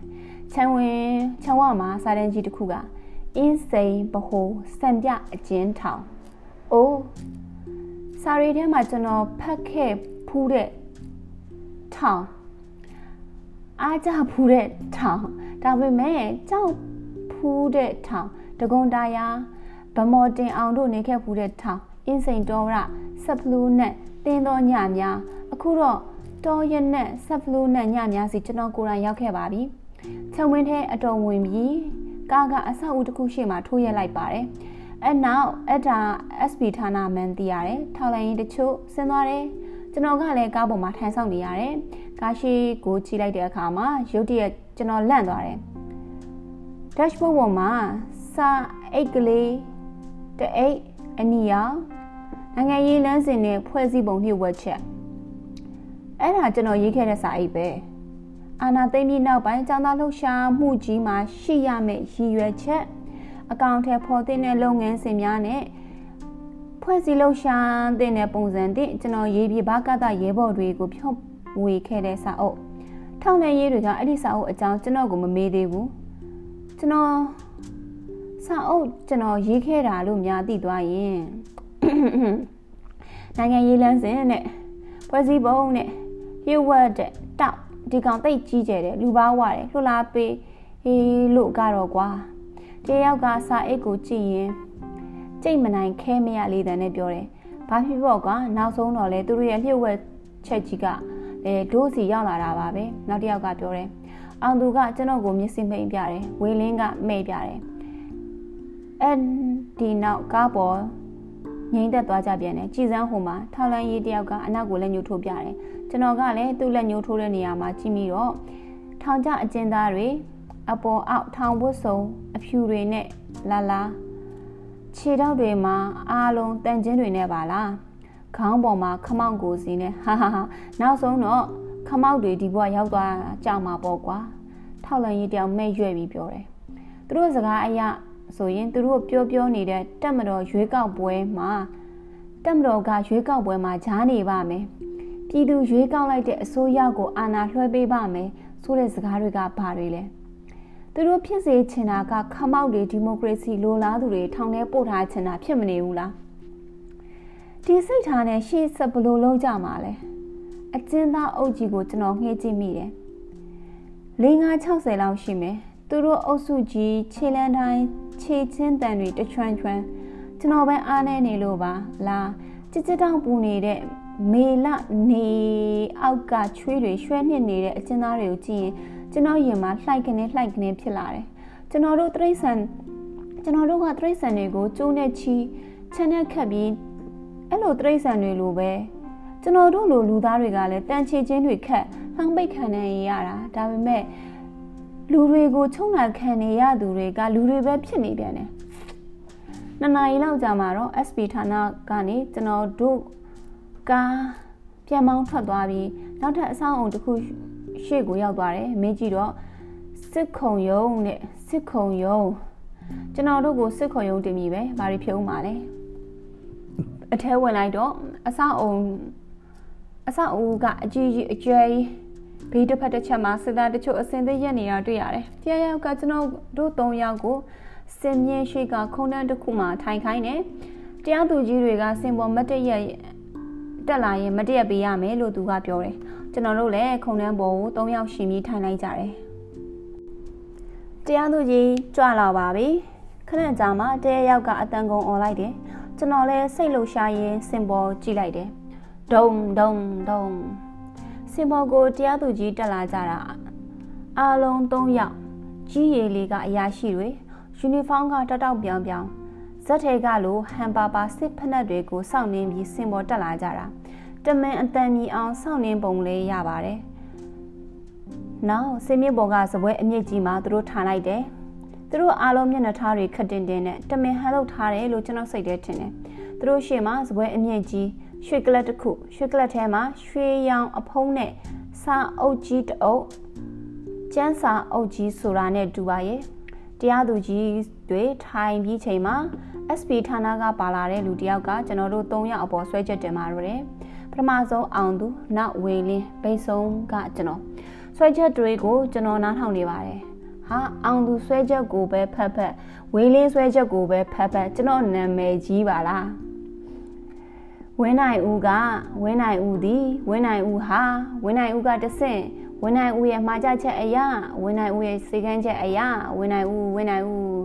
ကျွန်တော်နာမည်တွေတန်းစီနေတယ်ခုနာမည်ကိုကြားနေရတာပဲတီးမခံနိုင်အောင်နားထဲဦးလာတယ်နားပေါက်ခွဲထွက်မတက်ကြဲလောင်လုံးနဲ့ တခါလုံးကျွန်တော်နာမည်ပြည့်နေတယ်နာမည်ထဲမှာလူကနစ်မြုပ်သွားသလိုခံစားရပြီးမွန်းကျက်လာတယ်ဒီကောင်တွေတက်တက်ပုံကြီးချက်နေတာအမှုမလေးလေးအောင်လုပ်နေတာတည်ရများချမလို့လားမဖြစ်နိုင်ပါဘူး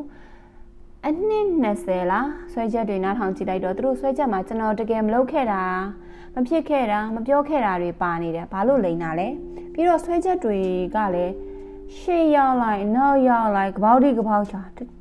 တချို့ချက်တွေဆိုသူတို့မို့မရှက်ကျွန်တော်ပြောမယ်ကျွန်တော်တို့ကတရားမျှတမှုအတွက်လုပ်နေတာသူတို့ကလည်းတရားမျှတမှုအတွက်လုပ်တယ်လို့ပြောတယ်ပြောပါဒါဆိုရင်ဘာလို့ကျန်းစာအုပ်ကြီးရှေ့မှာမဟုတ်မတန်တရားတွေသူတို့လုပ်နေတာလဲပြောနေရတာလဲသူတို့ယုံကြည်တဲ့အမှန်တရားနဲ့တရားမျှတမှုဆိုတာဘာလဲတေချာတာကဘယ်ကိစ္စမဆိုသူတို့လုံးတလို့မျိုးကျွန်တော်တို့မလုပ်ဘူးတရားမျှတမှုကိုလိုလားပါတယ်ဆိုပြီးလူတွေကိုမတရားသဖြင့်ကျွန်တော်တို့မယုံပါဘူး မရက်ဆက်ဘူးမညှင်းမဘူးအနိုင်မကျင်ဘူးကျွန်တော်တို့လှုပ်ချင်တာတွေကိုလုံနေကျွန်တော်တို့လည်းသူတို့လှုပ်ချင်တာတွေကိုလုံနေတာတွေကိုစိတ်ပြက်ကြီးပြက်ပြီးကြည့်နေမိတယ်စစ်ခုံရောအခင်းချင်းကိုကြည့်ပြီးကျွန်တော်နားလည်လိုက်တာကတခြားသူတွေလည်းကျွန်တော်လိုပဲနေကြမှာပါစစ်အစိုးရရဲ့တရားဥပဒေဆိုတာအမှန်တရားအတွက်တရားမျှတမှုအတွက်မဟုတ်ဘူး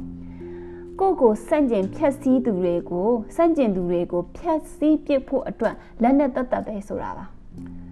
ဒါကျွန်တော်အရင်ကတည်းကပြီးသားပါဒါပေမဲ့အခုလိုတရားရုံအခင်းချင်းရှိမှခံစားရတာမျိုးလောက်တော့မလေးနက်ခဲ့ပါဘူးတကယ်တော့တရားဥပဒေဆိုတာသူတို့ပါဆက်ထဲမှာရှိနေတာသူတို့အကျိုးစီးပွားနဲ့သူတို့အမုန်းတရားအောက်မှာရှိနေကြတာမဟုတ်လား SB ကအဲ့ဒီလိုတစ်ဖက်သက်ဆွဆွဲချက်တင်ပြီးစစ်ခုံရုံးကိုခဏနားတယ် 15မိနစ်လောက်အကြာမှာစစ်ခုံရုံးပြန်ဖွင့်တယ်တရားသူကြီးတွေစီရင်ချက်ချမယ်တဲ့ကျွန်တော်နားဆွင့်လိုက်တယ်ဆွဲချက်အရာအမှုထင်ရှားသဖြင့်တရားခံအောင်သူဝေလင်းဝင်းနိုင်ဦးတို့အားထောင်ဒဏ်အလို73နှစ်တဲ့ကျွန်တော်စိတ်ထဲဘလို့ဖြစ်သွားမှန်းမသိဘူးတော်တော်ပေါ့ပေါ့ပပဖြစ်သွားတယ်ဒါနဲ့ဝေလင်းနဲ့အောင်သူဘက်ကိုလှည့်ပြီးရေပြလိုက်တယ်သူတို့လည်းကျွန်တော်ကိုပြန်ရေပြတယ် အဆအဆုံးစစ်ခုံရုံနိုင်ဝက်ကြော်ကြော်လောက်ပဲကြာမယ်ထင်တယ်ဟုတ်တယ်အဲ့လောက်ပဲသုံးယောက်ရဲ့ကံကြမ္မာတစ်ခုလုံးစဉ်းစားဆုံးဖြတ်ဖို့အချိန်သိမ့်မလို့နိုင်ဝက်ပါပဲစစ်ခုံရုံရုပ်သိမ်းလိုက်တယ်နောက်တော့ကျွန်တော်တို့ကိုတနေရာခေါ်သွားတယ်အင်းစိန်ထောင်တဲ့စစ်ခုံရုံကအင်းစိန်ထောင်ရှေ့ကက်လျက်မှာဖွင့်ထားတာပါကျွန်တော်တို့ကိုထောင်ထဲပို့လိုက်ပြီပဲထောင်ထဲမှာမှတ်ပုံတင်စရင်သွင်းတယ်ထောင်နံပါတ်ပေးတယ်ဝင်နိုင်ဦးအကျဉ်းသားနံပါတ်၄ထောင်1 စီထောက်လန်းရေးကကျွန်တော်တို့ကိုထောင်ထဲမှာဆင်းသွင်းပြီးပြန်ခေါ်သွားတယ်စစ်ဆေးဆရာတွေကြံသေးတယ်တဲ့ပြဿနာပဲစစ်ဆရာကြံသေးတယ်တဲ့ကြံရင်ဘာလို့စစ်ခုံရုံးတင်လဲဒီမှာတဲ့ထောင်အရာရှိတွေနဲ့ထောက်လန်းရေးတွေစကားများတော့တာပဲ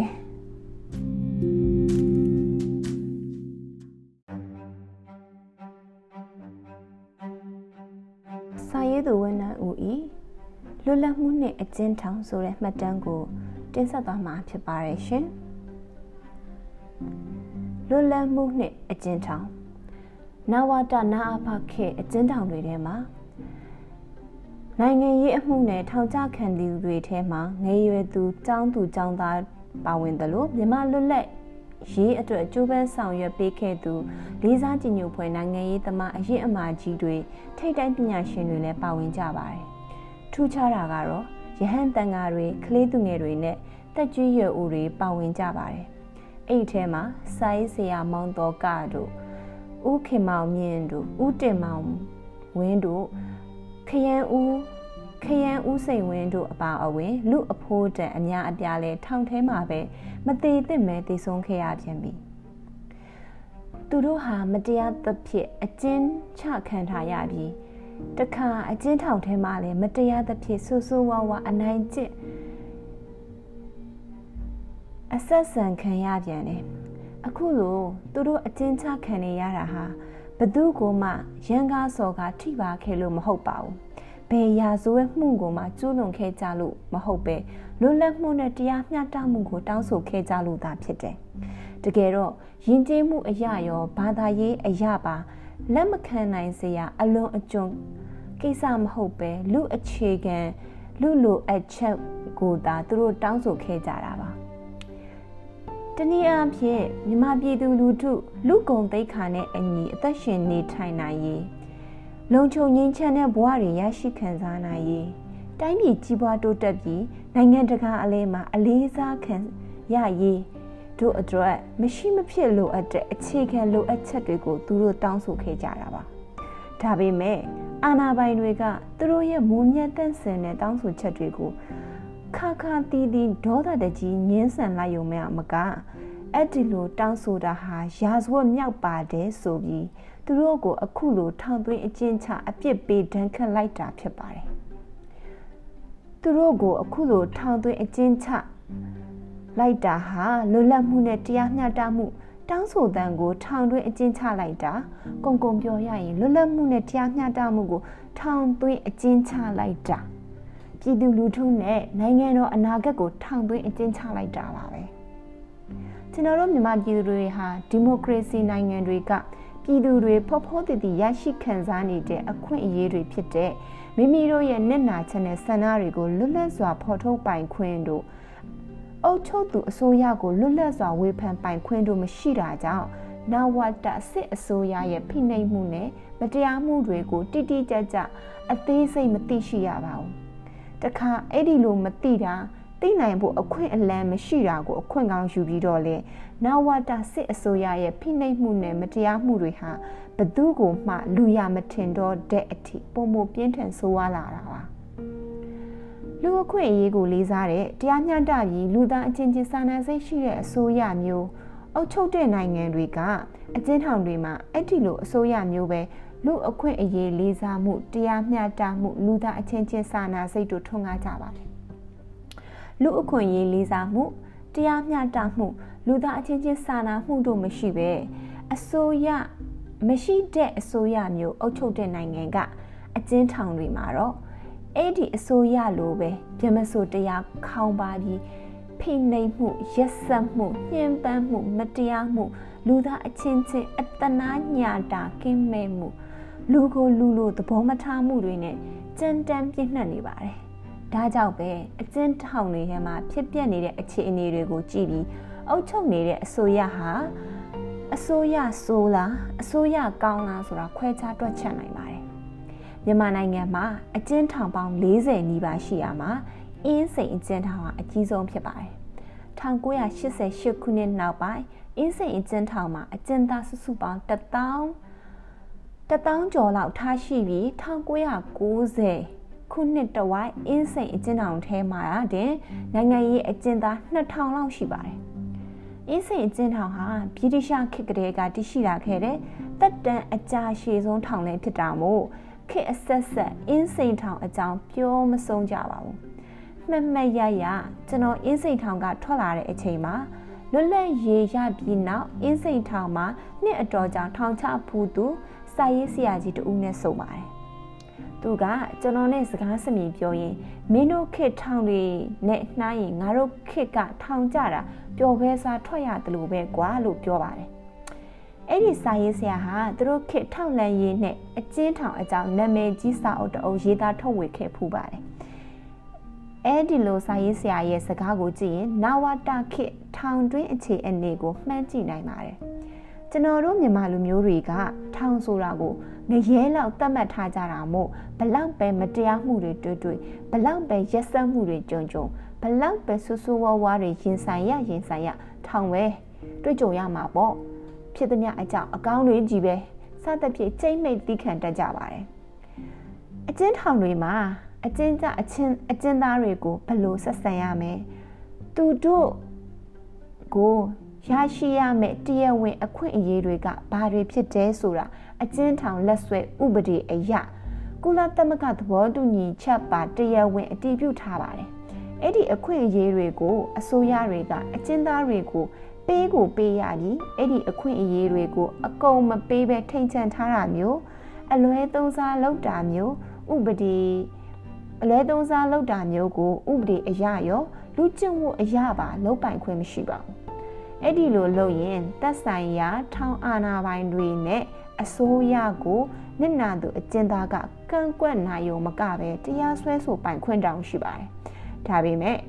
မြန်မာနိုင်ငံမှာတော့အကျဉ်းထောင်တွေမှာအဲ့လိုလုပ်ဖို့ဝေးအဲ့လိုအခွင့်အရေးတွေမှာကိုယ်မှာရှိလို့ရှိနေမှန်းတော့သိကြတာမဟုတ်ပါဘူး။မသိအောင်လဲအစိုးရလုပ်သူက ဖုံးကွယ်တိမ်မွက်ထားပါတယ်။ဒါကြောင့်ထောင်အာဏာပိုင်တွေဘာပဲမတရားလုပ်လို့မတရားဘူးတရားဥပဒေကိုအလွဲသုံးစားလုပ်တယ်လို့သိလဲမသိကြဝေလဲမဝေဖန်ရဲကြကန့်လည်းမကန့်ကွက်ရဲကြပါဘူး အစိုးရကိုတရားစွဲဖို့ဆိုတာအိမ်မက်တောင်မက်ရဲစရာမရှိပါဘူးဒီမိုကရေစီနိုင်ငံတွေကပြည်သူတွေကကျွန်တော်တို့တိုင်းပြည်ကထောင်အကြောင်းအကျဉ်းသားတွေရဲ့ထောင်တွင်းဘဝအကြောင်းကြားရတဲ့အခါကြားရတဲ့အခါတိုင်းအထိတ်တလန့်ဖြစ်ပါတယ်အံ့အားလည်းသင့်အုပ်ချုပ်နေတဲ့အစိုးရကို မုံတီးယွန်ရှာသွားကြတဲ့အပြင်ကျွန်တော်တို့ပြည်သူတွေအတွက်လည်းစိတ်မကောင်းဖြစ်သွားကြပါတယ်။ အဲ့ဒီလိုအစိုးရမျိုးကနိုင်ငံကိုအုပ်ချုပ်နေတာနိုင်ငံကိုအုပ်ချုပ်ခွင့်ရှိနေတာကိုပဲသူတို့နားလည်လို့မရဖြစ်ပါတယ်။တကယ်တော့ကျွန်တော်တို့ပြည်သူတွေကလည်းအသိဉာဏ်ကျွန်တော်တို့ပြည်သူတွေကိုလည်းအသိဉာဏ်တုံးအောင်လှုပ်ထားရုံမှကစိတ်ဓာတ်ပါအညွန့်တုံးအောင်လှုပ်ထားတဲ့နည်းတွေနဲ့သူတို့အခုလိုနိုင်ငံတော်ကိုအုပ်ချုပ်နေနိုင်တာဖြစ်ပါတယ်။လွတ်လပ်မှုဟာလူတယောက်အဖို့တန်ဖိုးလည်းဖြစ်ပါတယ်။ အနှစ်သာရလည်းဖြစ်ပါတယ်လို့ပညာရှင်တွေကဆိုမိတ်ခဲ့ကြပါတယ်။လွတ်လပ်တဲ့အရာသာဆိုတာမလွတ်လပ်တဲ့အချိန်ကြာမှာအာသာငန်းငန်းပြန်တန်းတမိတဲ့အရာမျိုးမလွတ်လပ်တဲ့အချိန်ကြာမှာထူးထူးခြားခြားတန်ဖိုးထားမိတဲ့အရာမျိုးလည်းဖြစ်ပါတယ်။လွတ်လပ်မှုဟာလူတယောက်ဘဝမှာဘလောက်တန်ဖိုးကြီးတယ်ဘလောက်အနှစ်သာရရှိတယ်ဆိုတာကိုမလွတ်လပ်သူများကအသိဆုံးပါ လွတ်လပ်မှုဆုံးရှုံးရတဲ့အတွက်လူတယောက်ဘဝမှာဘလောက်ဆုံးရှုံးနစ်နာရတယ်ဆိုတာလေမလွတ်လပ်သူတွေများတာအသိဆုံးဖြစ်ပါလိမ့်မယ်ထောင်နဲ့အပြစ်ပေးတယ်ဆိုတဲ့သဘောကအဲ့ဒီလူရထားပိုင်ဆိုင်ထားတဲ့မွေးရပါလွတ်လပ်ခွင့်တွေကိုဥပဒေအရရုပ်သိမ်းလိုက်တာပါတကယ်တော့သူ့လူလက်ခွင့်ကိုသာရုပ်သိမ်းထားပြီးတခြားလူအခွင့်အရေးတွေကို သူ့ကိုဆက်လက်ပေးထားရပါတယ်လူကုံသိက္ခာအရာသူ့ကိုလူတယောက်အဖြစ်ဆက်ပြီးအသိမှတ်ပြုတဲ့သဘောပါတကယ်တော့ထောင်အပြစ်ဒဏ်ပေးတယ်ဆိုတာကဥပဒေအရာသူ့လွတ်လပ်ခွင့်ကိုအချိန်အတိုင်းအတာတစ်ခုအထိအသိအမှတ်မပြုတော့တာရုပ်သိမ်းလိုက်တာသာဖြစ်ပြီးသူ့ကိုလူအဖြစ်အသိမှတ်မပြုတော့တာတရိษံကြေးကြုံဘဝပို့လိုက်တာမျိုးမဟုတ်ပါဘူးဒါပေမဲ့နာဝတနာအဖအကျဉ်းထောင်တွေမှာတော့ လွတ်လပ်ခွင့်ကိုရုပ်သိမ်းရုံမကအားမရပဲအကျဉ်းထောင်ဥပဒေနိုင်ငံတကာဥပဒေတွေကိုနှီးမျိုးစုံနဲ့ချိုးဖောက်ပြီးလူတွေကိုကြေးကြိုဘဝတရိษံဘဝရောက်အောင်လူညွန့်တုံးဘဝတုံးအောင်လုပ်နေကြတာပါ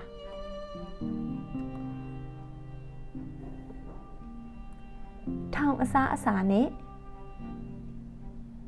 ရေသုံးဆွဲမှုအကျဉ်းသားတွေနဲ့ပတ်သက်ပြီး ဥပဒေဖြစ်နိုင်ငံတကာအစိုးရတွေမဖြစ်မနေလိုက်နာကျင့်သုံးရမှာကတော့ကုလသမဂ္ဂဆိုင်ရာဂျနီဖာသဘောတူညီချက်ဖြစ်ပါတယ်။အဲ့ဒီသဘောတူညီချက်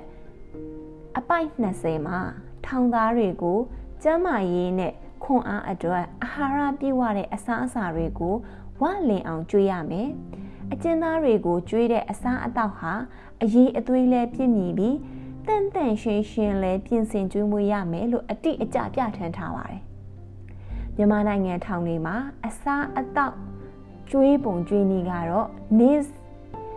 နေ့စဉ်မနက်တစ်ကြိမ်ညတစ်ကြိမ်ထမင်းကျွေးပါတယ်။ကျွေးတဲ့ထမင်းကအပေါ်စားဆန်ကြမ်းကိုချက်ကျွေးတာဖြစ်ပြီးခဲတွေသဲတွေအမိုက်တွေဖယ်ပြီးစားရပါတယ်။တခါတခါထမင်းထဲမှာသဲတွေများလုံးလို့ဘသူမှမစားနိုင်တဲ့ ဖြစ်ရတာတွေလည်းထောင်ထဲမှာအစမ်းတော့မဟုတ်ပါဘူးဟင်းအနေနဲ့ကတော့မနက်မှာပဲဟင်းနဲ့ငပိညနေဘက်မှာတာလပေါ့ဟင်းရည်နဲ့ငပိအသားကတော့တပတ်မှာတစ်နှက်ကျွေးပါတယ်ပဲဟင်းကတော့ပဲအညံ့စားကိုရေအများကြီးနဲ့ထည့်ပြုတ်တာမို့ပဲဟင်းလို့သာနာမည်ခေါ်ရတယ်ပဲဟင်းထဲမှာပဲဖက်ရှာလို့မတွေ့ပါဘူးပဲဟင်းချက်ပုံကကြည့်လို့ပါ ပဲကိုအဖက်တွေကြီးကြံအောင်ပြုတ်ရင်နောက်မှပဲဖက်တွေကိုရင်နွေးနဲ့ရောတာပါဒီလိုရင်နွေးနဲ့မရောခင်ထောင်ဝန်တန်းတွေဟင်းချက်ရာမှာတာဝန်ကြတဲ့အကျဉ်းသားတွေကပဲဖက်အနှစ်ကိုခတ်ယူထားပါတယ်အဲ့ဒီခတ်ယူထားတဲ့ပဲဖက်ပဲအနှစ်တွေကိုထောင်ဝါဒါတွေထောင်အရာရှိတွေ လူဆိုးဖို့တွေကဥဥဖြားဖြားစားကြပါတယ်တကယ်တော့ထောင်ဝါဒါတွေထောင်အရာရှိတွေဟာထောင်ဥပဒေအရထောင်အကျဉ်းသားတွေရဲ့အစားအစာကိုစားခွင့်မရှိပါဘူးဒါအပြင်အဲ့ဒီပဲဖက်တွေကိုထောင်အရာရှိတွေနဲ့ပင်ပင်မီထောင်ထဲကိုပတ်စံခိုးသွင်းထားတဲ့အကျဉ်းသားတွေကိုလည်းပတ်စံနဲ့ရောင်းပါတယ် တကယ်တော့သူတို့စားတဲ့ရောင်းတဲ့အတွက်ထောင်တဦးချင်းစီရမယ့်ဝေစုညွတ်နေသွားတာမို့ထောင်ကျင်းသားအများစုဟာရေသာသူပဲဟင်းရေသာသူပဲဟင်းကိုသာစားရစားကြရတာပါတာလပေါ်ဟင်းဆိုတာလေဟင်းရွက်တောင်းပြောင်းကိုရောပြုတ်ထားတဲ့ဟင်းရွက်ပြုတ်ရည်ပါ ထောင်ထဲမှာအကျဉ်းသားတွေဟာတောင်ရစိုက်ကြရပါတယ်။အဲ့ဒီသီးနှံစိုက်ခင်းတွေကဟင်းရွက်တွေကိုတိမ်ကြုံခုတ်ဖြတ်ပြီးရင်းနှွေးထဲ့ကြိုထားတဲ့မိုးပြဲတဲ့အိုးကြီးတွေကိုဟင်းရွက်တွေမဆေးပဲပြစ်ထည့်လိုက်လို့ရလာတဲ့ဟင်းရည်ကျဲဟာထောင်တလပေါ်ဟင်းပါတခါတခါဟင်းရွက်မပါပဲအဲ့ဒီဟင်းရည်ကျဲမှာအမှိုင်တွေကြောက်ခဲတွေပိုးကောင်တွေမြှို့တွေပါလာရင်လေထုံးစံဖြစ်နေလို့ဘဒူးမအံ့အားလဲမသိယွန်လဲမယွန် စိတ်ပြက်လက်ပြက်ကြိတ်မိတ်ဖယ်စားရုံပဲရှိပါတော့တယ်။ထောင်သားတွေကိုပေးတဲ့ငပိကလည်းသဲတွေကြောက်ဆက်လက်ခဲတွေနဲ့ရောထားတာပါ။ထောင်သားတွေကိုကျွေးမဲ့ငပိတွေထဲတချို့သက်ဆိုင်ရာ ထောင်အာဏာပိုင်တွေကထုတ်ရောင်စားလိုက်လို့ပမာဏရော့နေသွားတာကာမိအောင်ထပ်ဖြစ်တဲ့အနေနဲ့ကြံတဲ့ငပိထဲကိုအခုလိုရော့အယောအနှောတွေရှောက်ထည့်ထားတာပါအကျဉ်းသားတဦးကိုတနက်စာအတွက်အဲ့ဒီလိုငပိ မျိုးခတ်သေးသေးလက်ဖက်ရည်ဇွန်းနဲ့တဇွန်းရပါတယ်တပတ်ကိုတစ်ကြိမ်အသားတစ်နှက်ရပါတယ်ဒါပေမဲ့အကျဉ်းသားတွေရရမယ်အသားခွဲတန်းဝေစုထဲကနေအသားကောင်းတဲ့အသားအများစုကိုထောင်အာနာပိုင်တွေအတွက်ဖယ်ထားပေးရတာမို့ထောင်ဥပဒေအရထောင်သားတဦးရရှိမဲ့ပမာဏရဲ့တဝက်လောက်ကိုသာထောင်သားတွေရပါတော့တယ်အသားအသားအစာ ငားကြော်တဲ့နေကြရင်အကျဉ်းသားတွေဟာခေါင်းနဲ့အမင်းကိုသာရကြလို့ငားအလဲပိုင်းဆိုတာဘာခေါ်တာလဲလို့တောင်ထောင်ထဲမှာမေးကြပါတယ်အဲ့ဒါလို့အကျဉ်းသားတွေစားရတဲ့အစားအစာတွေဟာ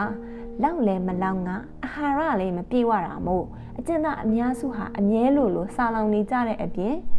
အစားအစာမတန့်လို့ဖြစ်တဲ့ယောဂါတွေလည်းဆွဲကပ်ကြရပါတယ်နောက်တစ်ခုကရေချိုးတဲ့ကိစ္စပါ အကျဉ်းထောင်ဆိုင်ရာကုလသမဂ္ဂဂျနီဖာသဘောတူညီချက်အပိုင်26မှာထောင်အာဏာပိုင်တွေဟာထောင်တွင်းတန့်ရှင်းရေးနဲ့အကျဉ်းသားတွေရဲ့တကူရေးတန့်ရှင်းရေးရှိမရှိ လေကောင်းလေတန်ရမရစတာတွေကိုပုံမှန်စစ်ဆေးပေးရမယ်လို့အတိအကျအလေးအနက်ဖော်ပြထားပါတယ်။အင်းစိန်ထောင်ထဲမှာအဆောင်9ဆောင်ရှိပြီး အဆောင်အမှတ်တစ်ကလွဲလို့ကျန်တဲ့အဆောင်တွေမှာအကျဉ်းသားတစ်ထောင်ကျော်စီထားပါတယ်အဆောင်အမှတ်တစ်ကတော့အမှုရင်ဆိုင်နေရတဲ့အချုပ်သားတွေအတွက်ဖြစ်ပြီးလူဦးရေ2000 2000ကျော်လောက်ထားပါတယ်အဆောင်တစ်ဆောင်တစ်ဆောင်မှာရေကန်တကန်စီရှိပြီးအရှည်ပေ80အကျယ်3ပေလောက်ရှိတဲ့ရှည်မျောမျောရေကန်ဖြစ်ပါတယ် အဲ့ဒီရေကန်ရဲ့၃ပုံတစ်ပုံလောက်ကိုတောက်ရည်အတွက်ဆိုပြီးတီးခြားအကန့်ခွဲထားပါတယ်။တောက်ရည်အတွက်ဆိုပေမဲ့ထောင်ဝန်တန်းတွေနဲ့လူဆိုးဘိုတွေကတော့အဲ့ဒီရေကန်အကန့်မှာကြိုက်တယ်လို့ချိုးခွင်ရေသုံးခွင်ရှိပါတယ်။ကျန်တဲ့ရေကန်အကန့်မှာတစ်ကြိမ်ကို အကျဉ်းသား100လောက်ရေချိုးကန်ဟိုဘက်ဒီဘက်လူခွဲပြီးတန်းစီရေချိုးရပါတယ်။ရေကန်တစ်ဖက်ချမ်းမှာလူတွေမလှုပ်တာမရှက်တာပြည့်ကျက်နေတာမို့ အတက်ရက်လို့မရတာနဲ့အကျဉ်းသားတွေဟာဘေးတိုက်တစောင်းရက်အချင်းချင်းတိုးဖွေပြီးရေချိုးကြရပါတယ်။တနေ့ကိုတစ်ချိန်သာရေချိုးရပြီးတစ်ချိန်ကိုထမင်းစားတဲ့ဒံပကံပက်လက်နဲ့ဆယ်ချက်ထပ်ပို့မချိုးရပါဘူး။ရေကန်တာဝန်ကျလူဆိုးတွေစိတ်ကြည်သာရင်တော့ရေပကံပြ15ချက်လောက်ရတတ်ပြီးမကြည်သာရင်တော့4 5 6ချက်လောက်နဲ့ပဲကိစ္စပြီးသွားရတာမျိုးပါ။ အဲ့ဒီရေလောင်းနဲ့ဘလို့မှဆက်ပြတိုက်လို့မရပါဘူးဒီကြားတဲ့ညက်ပတ်နေလုံးလို့ဆက်ပြတိုက်မိရင်လဲဆက်ပြတွေမစင်ခင်ရီကရက်သွားတာမို့ဆက်ပြမတိုက်တာမှတော်ပါသေးတယ်ဘေးဒဆောင်အလူအရက်တိုးခွေရက်နေတဲ့အကျဉ်းသားတန်းဟာရှီမျိုးမျိုးရေကန်ရဲ့ထိတ်မှာ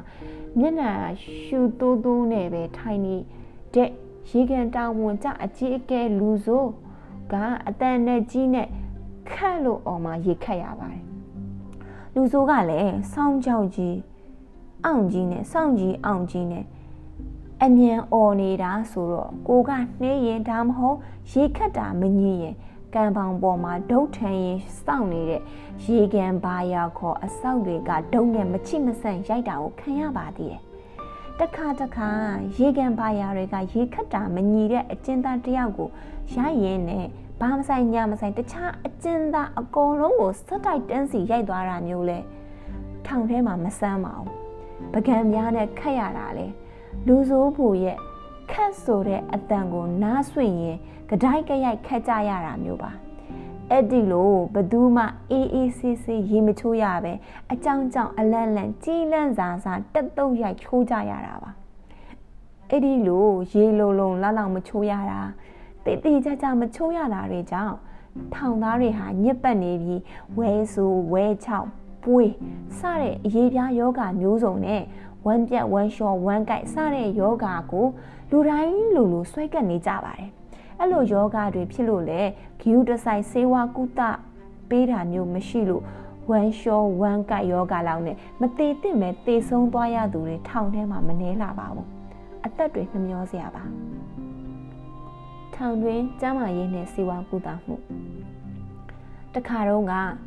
ထောင်သား၃ယောက်ဘိုင်းအောက်တာမခံနိုင်လို့ညတနာရီလောက်မှာထောင်တာဝါကနေတဆင့်ထောင်ဆေးရုံကိုသတင်းပို့ပြီးအကြောင်းကြားလိုက်ပါတယ်တော်တော်နဲ့ဆေးရုံဝန်ထမ်းကပေါ်မလာပါဘူးဒါနဲ့ထောင်တာဝါကိုတောင်းပန်ပြီး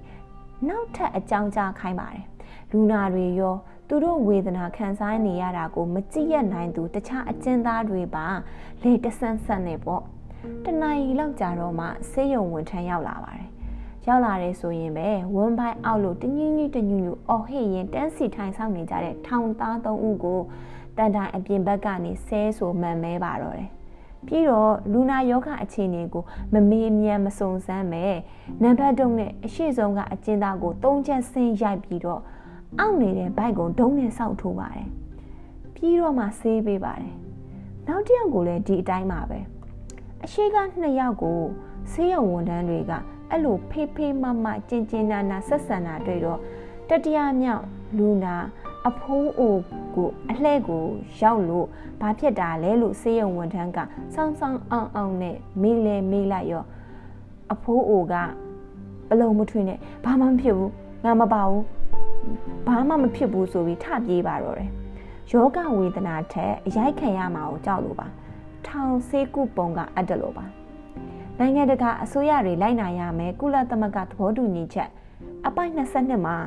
ထောင်တိုင်းမှာအရေးအချင်းပြည့်မီတဲ့ဆရာဝန်တဦးရှိရမယ်အကျဉ်းသားတွေရဲ့ကျန်းမာရေးအတွက်စိတ်ယောဂကုစေယုံတွေအပါအဝင် အခြားကျန်းမာရေးဌာနတွေနဲ့လည်းစနစ်တကျချိတ်ဆက်ဆောင်ရွက်ရမယ်လိုအပ်တဲ့စေဝါကိရိယာနဲ့ကျွမ်းကျင် သူဝန်ထမ်းတွေထားရှိပေးရမယ်အပိုက်24မှာအကျဉ်းသားလူနာကိုစေယုံရောက်တာနဲ့တပြိုင်နက်စနစ်တကျယောဂရှာဖွေစစ်ဆေးရမယ်အပိုက်25မှာလူနာအားလုံးနဲ့ဖျားနာတယ်လို့အကြောင်းကြားလာတဲ့အကျဉ်းသားအားလုံးကိုနေ့စဉ်ကြက်မှတ်စစ်ဆေးကုသရမယ်စသဖြင့်ဖော်ပြထားပါတယ်တကယ်တော့အဲ့ဒီဥပဒေတွေဆိုတာကအကျဉ်းသားတအုပ်ဟာနိုင်ငံသားမဟုတ်စေကမူ လူသားတယောက်ဖြစ်တယ်လို့အတိအမှတ်ပြုပြီးတရားမျှတစိတ်လူသားချင်းစာနာစိတ်လူကုံသိက္ခာအပေါ်တမိုးထားလေးစားတဲ့စိတ်တွေနဲ့ပြဋ္ဌာန်းထားတာတွေပါကျွန်တော်တို့နိုင်ငံရဲ့အစိုးရမင်းများကတော့နိုင်ငံခြားသားကိုမဆိုထားနဲ့ကိုယ်နိုင်ငံသားအချင်းချင်းအကျဉ်းသားတွေအပေါ်ကိုတော့အဲ့လိုစိတ်ထားမျိုးရှိတာမဟုတ်ပါဘူးထောင်ထဲမှာအကျဉ်းသားတူနေမကောင်းလို့ဆေးရုံကိုသတင်းပို့ရင်ဆေးရုံဝန်ထမ်းတွေတော်တော်နဲ့ရောက်မလာပါဘူး ခံရတဲ့လူနာတော့အော်ဟစ်လူးလိုက်နေပြီတော့အခြေအနေဆိုးတဲ့လူနာများဆိုရင်တကိုယ်လုံးနှမ်းပြတွန့်လိန်နေတော့မှစောင့်ကြည့်အောင်ကြည့်နေဆေးရုံဝန်ထမ်းတွေရောက်လာတာမျိုးပါအမှန်ကဆေးရုံနဲ့အကျဉ်းထောင်အကျဉ်းသားတွေနေတဲ့နေရာကဘာမှဝေးတာမဟုတ်ပဲဓာတ်တိုင်တိုင်ဆောင်လောက်တာဝေးတာပါဒီနေရာမှာထောင်ဆေးရုံအကြောင်းပြောပြလိုပါတယ်ဆေးရုံဆိုပေမဲ့ ဆရာဝန်တဦးတည်းရှိတဲ့ဆေးရုံပါထုံးစံကတော့ဆေးရုံရောက်လာတဲ့လူနာတွေကိုလည်းဆရာဝန်ကကြည့်ရှုစစ်ဆေးပေးတာမဟုတ်ပါဘူးများသောအားဖြင့်ဆေးရုံမှာခိုင်းထားတဲ့ဆေးအကြောင်းနည်းနည်းပါးပါးကြားဖူးနားဝရှိတဲ့အကျဉ်းသားတွေကသာကြည့်ရတာပါဒါအပြင်ဆေးရုံမှာလိုအပ်တဲ့ဆေးဝါးတွေလည်းပြည့်ပြည့်စုံစုံမရှိပါဘူးဒါကြောင့်ပဲဆေးရုံလာပြတဲ့လူနာတိုင်းကို aspirin Bespro Sodamix စတဲ့ဆေးတစ်မျိုးမျိုးပဲပေးပြီးပြက်လွတ်တာများပါတယ်။ဒါကြောင့်ဆေးရုံကိုယောဂသွားပြပြီးပြန်လာတဲ့အကျဉ်းသားကို Bis Bispro လို့အခြားအကျဉ်းသားတွေကနောက်ပြောင်ခေါ်တတ်ပါတယ်။အဲ့ဒီလိုလိုအပ်တဲ့စေဝါပြည့်ပြည့်စုံစုံမရှိတာမှာအကြောင်းအရင်တစ်ခုကအကျဉ်းသားတွေကိုလူလူသူလူသဘောမထားတော့သူတို့ ကျမ်းမာရေးကိုလည်းထည့်စဉ်းစားစရာမလိုဘူးဆိုပြီးအထက်အာဏာပိုင်တွေကထောင်ဆေးရုံကိုလိုအပ်တဲ့ဆေးဝါးတွေမထောက်ပံ့ပေးတာပါဒုတိယအကြောင်းရင်းကတော့ဆေးရုံကဆီရှုရှိစုမဆုဆေးကောင်းတွေကို ထောင်ဆရာဝန်က ထောင်ပြင်ထုတ်မှန်ခိုရောင်းစားပြီးဈေးပေါ်တဲ့အပြင်အပြင်ထုတ်ရောင်းလဲဘာမှမထူးတဲ့ဆေးလောက်သာဆေးရုံမှာခြံထားတာဖြစ်လို့ဖြစ်ပါတယ်ဆေးကလည်းမရှိဆ ရာဝန်ကလည်းဂူးမဆိုင်ဆိုတော့ထောင်ထဲမှာယောဂတစ်ခုခုဖြစ်မှာအကျဉ်းသားတွေအင်မတန်ကြောက်ကြပါတယ်နိုင်ငံရေးအကျဉ်းသားအများစုကတော့တခြားရာဇဝတ်သားတွေနဲ့မတူပဲကျမ်းမာရေးဘ ഹു တုတလည်းရှိတက်လန်တက်နိုင်ကြတယ်မဟုတ်လားအဲ့ဒီတော့ထောင်ရဲ့ခွင့်ပြုချက်နဲ့ထောင်အပြင်ကနေဆေးမှာယူတတ်ပါတယ်အဲ့ဒီဆေးတွေကိုကိုယ်တိုင်လည်းသုံးတန်တလောက်တုံးပြီးတခြားဆင်းရဲနွမ်းပါတဲ့အကျဉ်းသားတွေ နိုင်ငံရေးအကျဉ်းသားရာဇဝတ်အကျဉ်းသားရဲလို့မခွဲခြားဘဲနဲ့နေထိုင်မကောင်းဖြစ်တဲ့အခါမျိုးမှာပေးကမ်းတိုက်ကျွေးဇီဝိတဒါနာပြုတတ်ကြပါတယ်နိုင်ငံရေးအကျဉ်းသားတွေကိုရာဇဝတ်အကျဉ်းသားတွေလေးစားရာမှာအဲ့ဒီအချက်လဲတစ်ချက်အပအဝင်ဖြစ်ပါတယ်အဲအကြောင်းတွေနောက်ပိုင်းမှာဖော်ပြပါမယ်အဲ့ဒီလိုကိုပတ်စံနဲ့ကိုသက်ဆိုင်ရာခွင့်ပြုချက်နဲ့အပြင်ကနေစေးမာယူပြီးစောင့်ထားတဲ့ကိစ္စမှာကိုပဲ ထောင်အာဏာပိုင်တွေညှစ်ထားတာရှိပါသေးတယ်။စီးတွေအများကြီးတောက်ပြီးကိုကိုကိုတေချောင်းကျန်စီမှာဆိုလို့ဆိုတဲ့အတိတ်ပဲမရှိတဲ့ခက်လွယ်လွယ်အကြောင်းပြချက်နဲ့လိုတော့အပြင်လိုတော့ပြန်ထုတ်ပေးပါမယ်ဆိုပြီးထောင်အရာရှိတွေကအဲ့ဒီဆေးတွေကိုသိမ်းယူထားလေးရှိပါတယ်။နောက်တော့ဆေးကိုနည်းနည်းချင်းပြန်ထုတ်ပေးပြီး နောက်ဆုံးတော့ကြံတဲ့ဈေးကိုလုံးဝမပေးတော့ပဲထောင်ပြင်ထုတ်ရောင်းစားကြလိုက်လိုက်ကြပါတော့တယ်။အဲ့ဒီလုံးရက်ကိုတက်ဆိုင်ရာအချင်းသားကမခံနိုင်လို့အထက်ထောင်အာဏာပိုင်တွေကိုတိုင်တန်းပြန်ရင်လေဆေးကိုအလွဲသုံးစားလုပ်ထုတ်ရောင်းသူအကျင့်ပြတ်ထောင်ဝန်ထမ်းတွေကိုအရေးမယူပဲဒီကနေ့ကစပြီးဘာဆေးမှထောင်ထဲကိုတွင်းခွင့်မပြုတော့ဘူးဆိုပြီးအပေါ်စီးကနေအမိတ်ထုတ်လိုက်ပါတယ် ကိုလက်ကုပ်ထဲကရေလိုဖြစ်နေတဲ့အကျဉ်းသားတွေကိုအနိုင်ကျင့်အကြက်ကင်တာပါကျမရေးအတွက်ဆေးမသွင်းရတော့မှကြောက်ကြတော့မတရားလုပ်တာသိပေမဲ့လေတိုင်မတိုင်တန်းကြပဲအကျဉ်းသားတွေကကြိတ်မိတ်ခံကြရပါတယ်ထောင်တွင်ကျမရေးကိစ္စနဲ့ပတ်သက်လို့စိတ်မချမ်းမြေ့စရာအဖြစ်အပျက်တစ်ခုကိုပြောပြချင်ပါတယ်အင်းစိန်ထောင်မှာအဆောင်9ဆောင်ရှိပြီးအဆောင်တစ်ဆောင်ကလွယ်လို့တစ်ဆောင်ဆောင်မှာ အခန်း၈ခန်းတခန်းမှာပုံမှန်အားဖြင့်အကျဉ်းသား100ကျော်တစ်ခါတစ်ခါများ150လောက်ထားတတ်ပါတယ်လူ80 80လောက်ထားမှအိတ်တဲ့အခါဟိုဘက်ဒီဘက်နည်းနည်းလှဲ့တာဖဲတာရှိတဲ့အခန်းကိုလူ130ထားတော့များသောအားဖြင့်ပလက်အိတ်လို့မရပဲဘေးတိုက်တစောင်းသာအိတ်လို့ရကြပါတယ်ဒါအပြင် ခင်းအိတ်စရာဝါးဖြာကျန်းကလည်းစုပ်ပြက်နေတာနဲ့တပိုင်းတစားလောက်ပဲရှိတာနဲ့ရှိတဲ့လောက်ကလည်းလူစိတ်မရတာနဲ့ဆိုတော့ဒီအတိုင်းတမန်တလင်းချင်းတမန်တလင်းပြင်အေးဆက်ဆက်ကြီးပေါ်မှာအိပ်ရသူတွေများပါတယ်အကျဉ်းသားတဦးကိုစောင့်တထည်ပေးရမယ်ဆိုတဲ့ထောင်ဥပဒေရှိပေမဲ့ထောင်အာဏာပိုင်တွေကစောင့်နေထုတ်ရောင်းလိုက်လို့အခန်းတစ်ခန်း 100ကျော်အတွက်စောင်6ထည်10ထည်လောက်သာရကြပါတယ်။ဒါကြောင့်တက်နိုင်သူတွေကကိုယ့်အိမ်တွေကနေစောင်မှာယူရပါတယ်။တညမှာလူ150လောက်ရှိတဲ့ကျွန်တော်တို့လေးဆောင်အမှတ်နှစ်အခန်းကိုအကျဉ်းသား20လောက်ထပ်ရောက်လာပါတယ်အခန်းထဲမှာငကိုကလေးကလူတွေငပိသိမ့်ငချင်းသိမ့်လှုပ်မရအောင်ပြည့်နေတာဆိုတော့ အသက်ထက်ရောက်လာတဲ့သူတို့ကိုဘယ်လိုနေရာချမလဲဆိုတာမစင်စားတတ်ပါဘူးဒါပေမဲ့ထောင်လူဆိုးအာနာပိုင်တွေစဉ်းစားတတ်ပါတယ်ဟေးဟေးဟေးဟေးကတ်ထာဟွန်းငါတွေမအီလူတွေမျိုးစုံတိုင်းထွာတော်လဲတယ်လို့ကြောက်စရာအသက်နဲ့ကြီးတွေနဲ့ထောင်လူစိုးအာနာပိုင်တွေကအော်ဟစ်စိတ်ဆိုပြီးငကိုကလေးကကြောချစရာနေရာမရှိလို့ဘေးတိုက်တစောင်းလဲနေရတဲ့အကျဉ်းသားတွေကို ဝရင်ဒုတ်တွေနဲ့သုံးပင်လိမ်သုံးပင်လိမ်ကြိမ်လုံးတွေနဲ့ဆက်တိုက်တောက်လျှောက်တဒန်းကြီးရိုက်ချသွားပါတယ်ရရင်လဲစောစောကလိုရိုက်ရိုက်ပြပြဆဲဆိုအော်ဟစ်သွားပါတယ်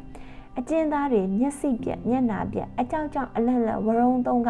တိုးကက်ကြတာတယောက်ပေါ်တယောက်ထပ်သွားပါလေရောဟုတ်တယ်နေရာနဲ့နဲ့ထွက်လာတယ်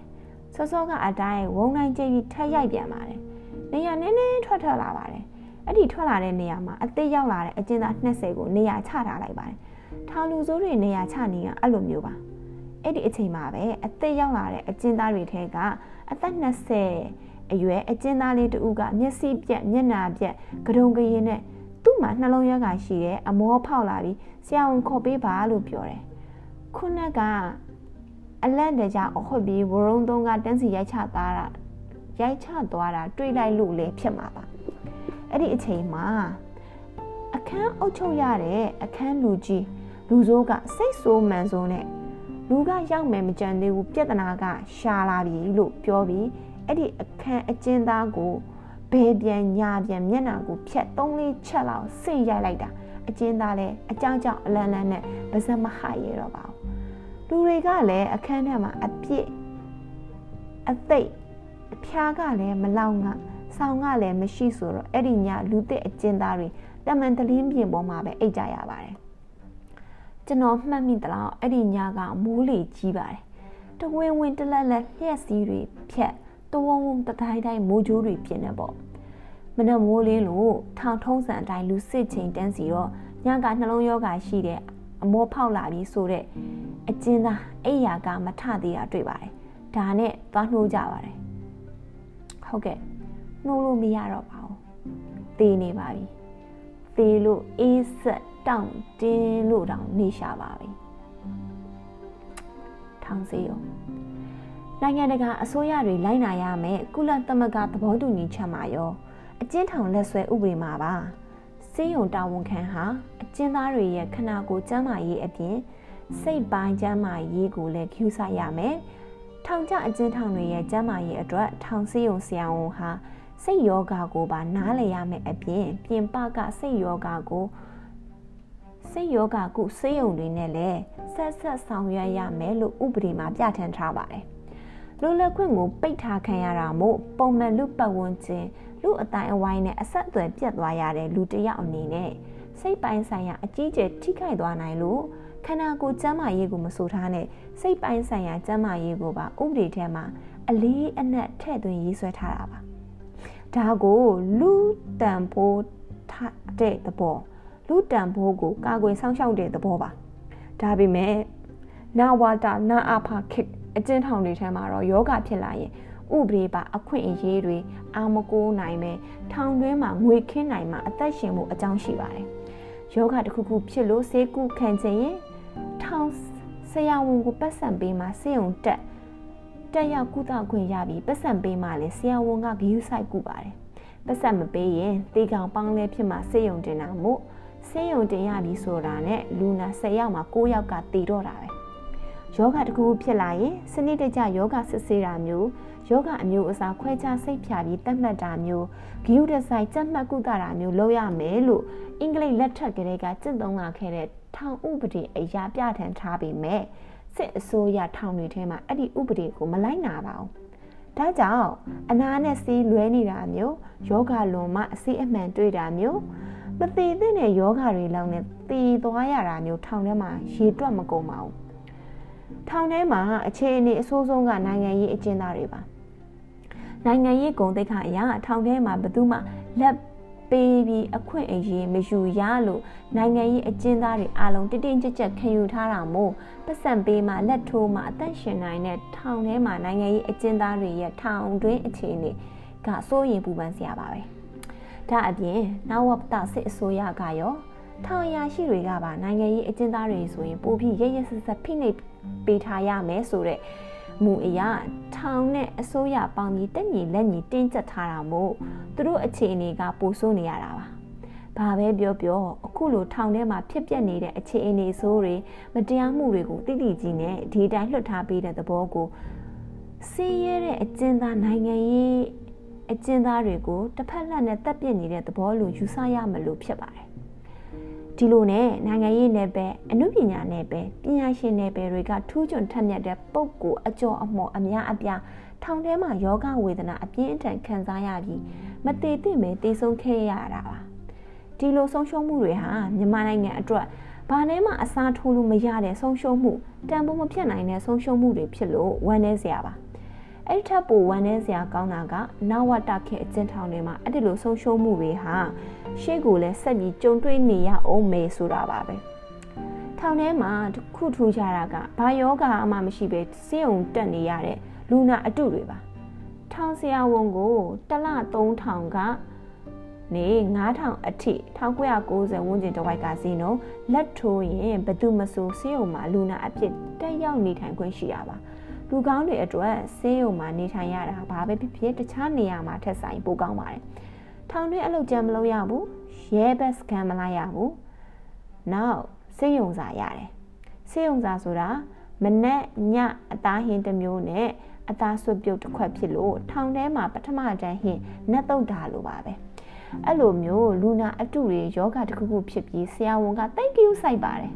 ဒါကြောင့်ပတ်စံရှိတဲ့အကျဉ်းသားတွေများသောအားဖြင့် မူရစ်စေဝါမှုနဲ့ထောင်ကျလာတဲ့ဘိန်းစားတွေဟာထောင်ဆရာဝန်ကိုပတ်စံပေးပြီးလက်ထိုးပြီးဆေးရုံတက်နေကြပါတယ်။ဘိန်းစားတွေဆေးရုံတက်နေကြတဲ့နောက်အကြောင်းရင်းတစ်ခုကဆေးထိုးအပ်ဆေးထိုးပြုံတွေကိုလွတ်လွတ်လပ်လပ်ကင်ခွင့်ရှိတာမို့တိုက်တဲ့အချိန်ဘိန်းထိုးနိုင်လို့ပါ။လက်ထိုးနေတဲ့အဲ့ဒီလိုလူနာအတုတွေအတွက်နေရာကောင်းပေးထားတာမို့ပတ်စံမတက်နိုင်တဲ့မျက်နှာပွင့်အကျဉ်းသားလူနာအစ်စ်တွေဟာဆေးရုံမှာ ဂဒင်တွေနဲ့မနေရပဲတချို့ဟာဂဒင်ဘေးကျမ်းမြင်ပေါ်တချို့ကလည်းအနံ့သက်မကောင်းတဲ့စတိုခန့်တချို့ကလည်းလူသွားလန့်တချို့ကလည်းမတန့်ရှင်းတဲ့အိမ်သာအဝင်အထွက်ရေဆက်လက်နေရာတွေမှာဖြစ်တယ်လို့နေကြရပါတယ်ဒါအပြင်လူနာတွေအတွက်မရှိမဖြစ်လိုအပ်တဲ့စီးယုံကပေးကိုပေးရမှာဖြစ်တဲ့အဝတ်အစားမွေရနဲ့ဆောင်းတွေလည်းမရကြပါဘူးဆောင်းအဆုပ်ကလေးတွေဖြန့်ခင်းပြီးဖြစ်တယ်လို့နေကြရတာပါသူတို့အတက်နိုင်ဆုံးအလုတ်ရဲဆုံးအလုတ်ကတော့ ဖြတ်သွားတဲ့မျက်နှာကျော်တင်တင်ဆေးရုံဝန်ထမ်းတွေကိုအကူအညီပေးလို့ပေးညာမျက်နှာငယ်လေးနဲ့မျက်စိတစုံလိုက်ငေးကြည့်နေရတာပါအကျဉ်းထောင်ဥပဒေအရလူနာရဲ့ယောဂဟာထောင်ဆေးရုံမှာမကုနိုင်ရင်ယောဂဖြစ်နေရင်ဒါမှမဟုတ်ယောဂတိတ်ပြင်းထန်နေရင်ထောင်အပြင်းထုတ်ပြီးဆေးရုံကြီးတွေကိုပို့ဆောင်ကုသရပါတယ်ဒါအကျဉ်းထောင်တွေရောက်ကိုရရမယ်ဥပဒေပါအခွင့်အရေးဖြစ်ပါတယ်ဒါပေမဲ့ထောင်အာဏာပိုင်တွေက အဲ့ဒီဥပဒေကိုအလွဲသုံးစားလုပ်ပတ်စံပေးလက်ထိုးတဲ့လူနာတွေကိုသာထောင်ပြင်ထုတ်ပြီးစေကုသပေးပါတယ်။ထောင်ထဲရောက်လာတဲ့အကျဉ်းသားအများစုဟာပတ်စံတနိုင်တာမဟုတ်ပါဘူး။ဒုက္ခရောက်နေတဲ့သူကိုဒုက္ခထပ်ပေးပြီးဒုက္ခနဲ့အကြက်ကင်ပြီးငွေမရရအောင်လုပ်တဲ့စိတ်ဓာတ်ဟာအံ့အံသင့်စရာလည်းကောင်းပါတယ်။စက်ရုပ်ယွန်းရှာစရာလည်းကောင်းပါတယ်။ထောင်ထဲမှာအဲ့လိုလူမျိုးတွေဖြစ်အောင်ဖန်တီးထားသူတွေကတော့ထောင်အာဏာပိုင်တွေနဲ့နာဝတ အာဏာပိုင်တွေပဲဖြစ်ပါတယ်။အဲ့ဒီနည်းနဲ့ထောင်ဆရာဝန်တွေဟာအာကိုမဲ့နေတဲ့ထောင်သားတွေရဲ့အသက်ကိုရှင်းပြီးတခဏချင်းမှာကြီးပွားချမ်းသာသွားကြပါတော့တယ်။ထောင်ထဲမှာတည်တာတာတခုက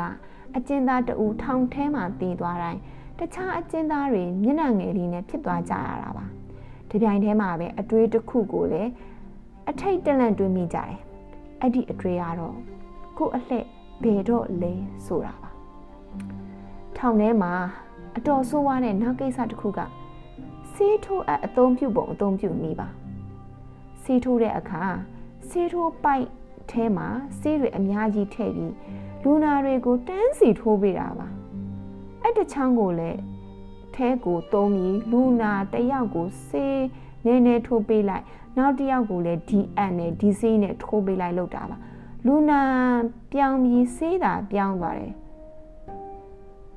ဆေးထိုးအပ်ကတော့မပြောင်းပါဘူးဒါကြောင့်ပဲထောင်ထဲမှာ HIV ယောဂပိုပြန့်နှံ့ပြီး AIDS ဖြစ်တဲ့သူ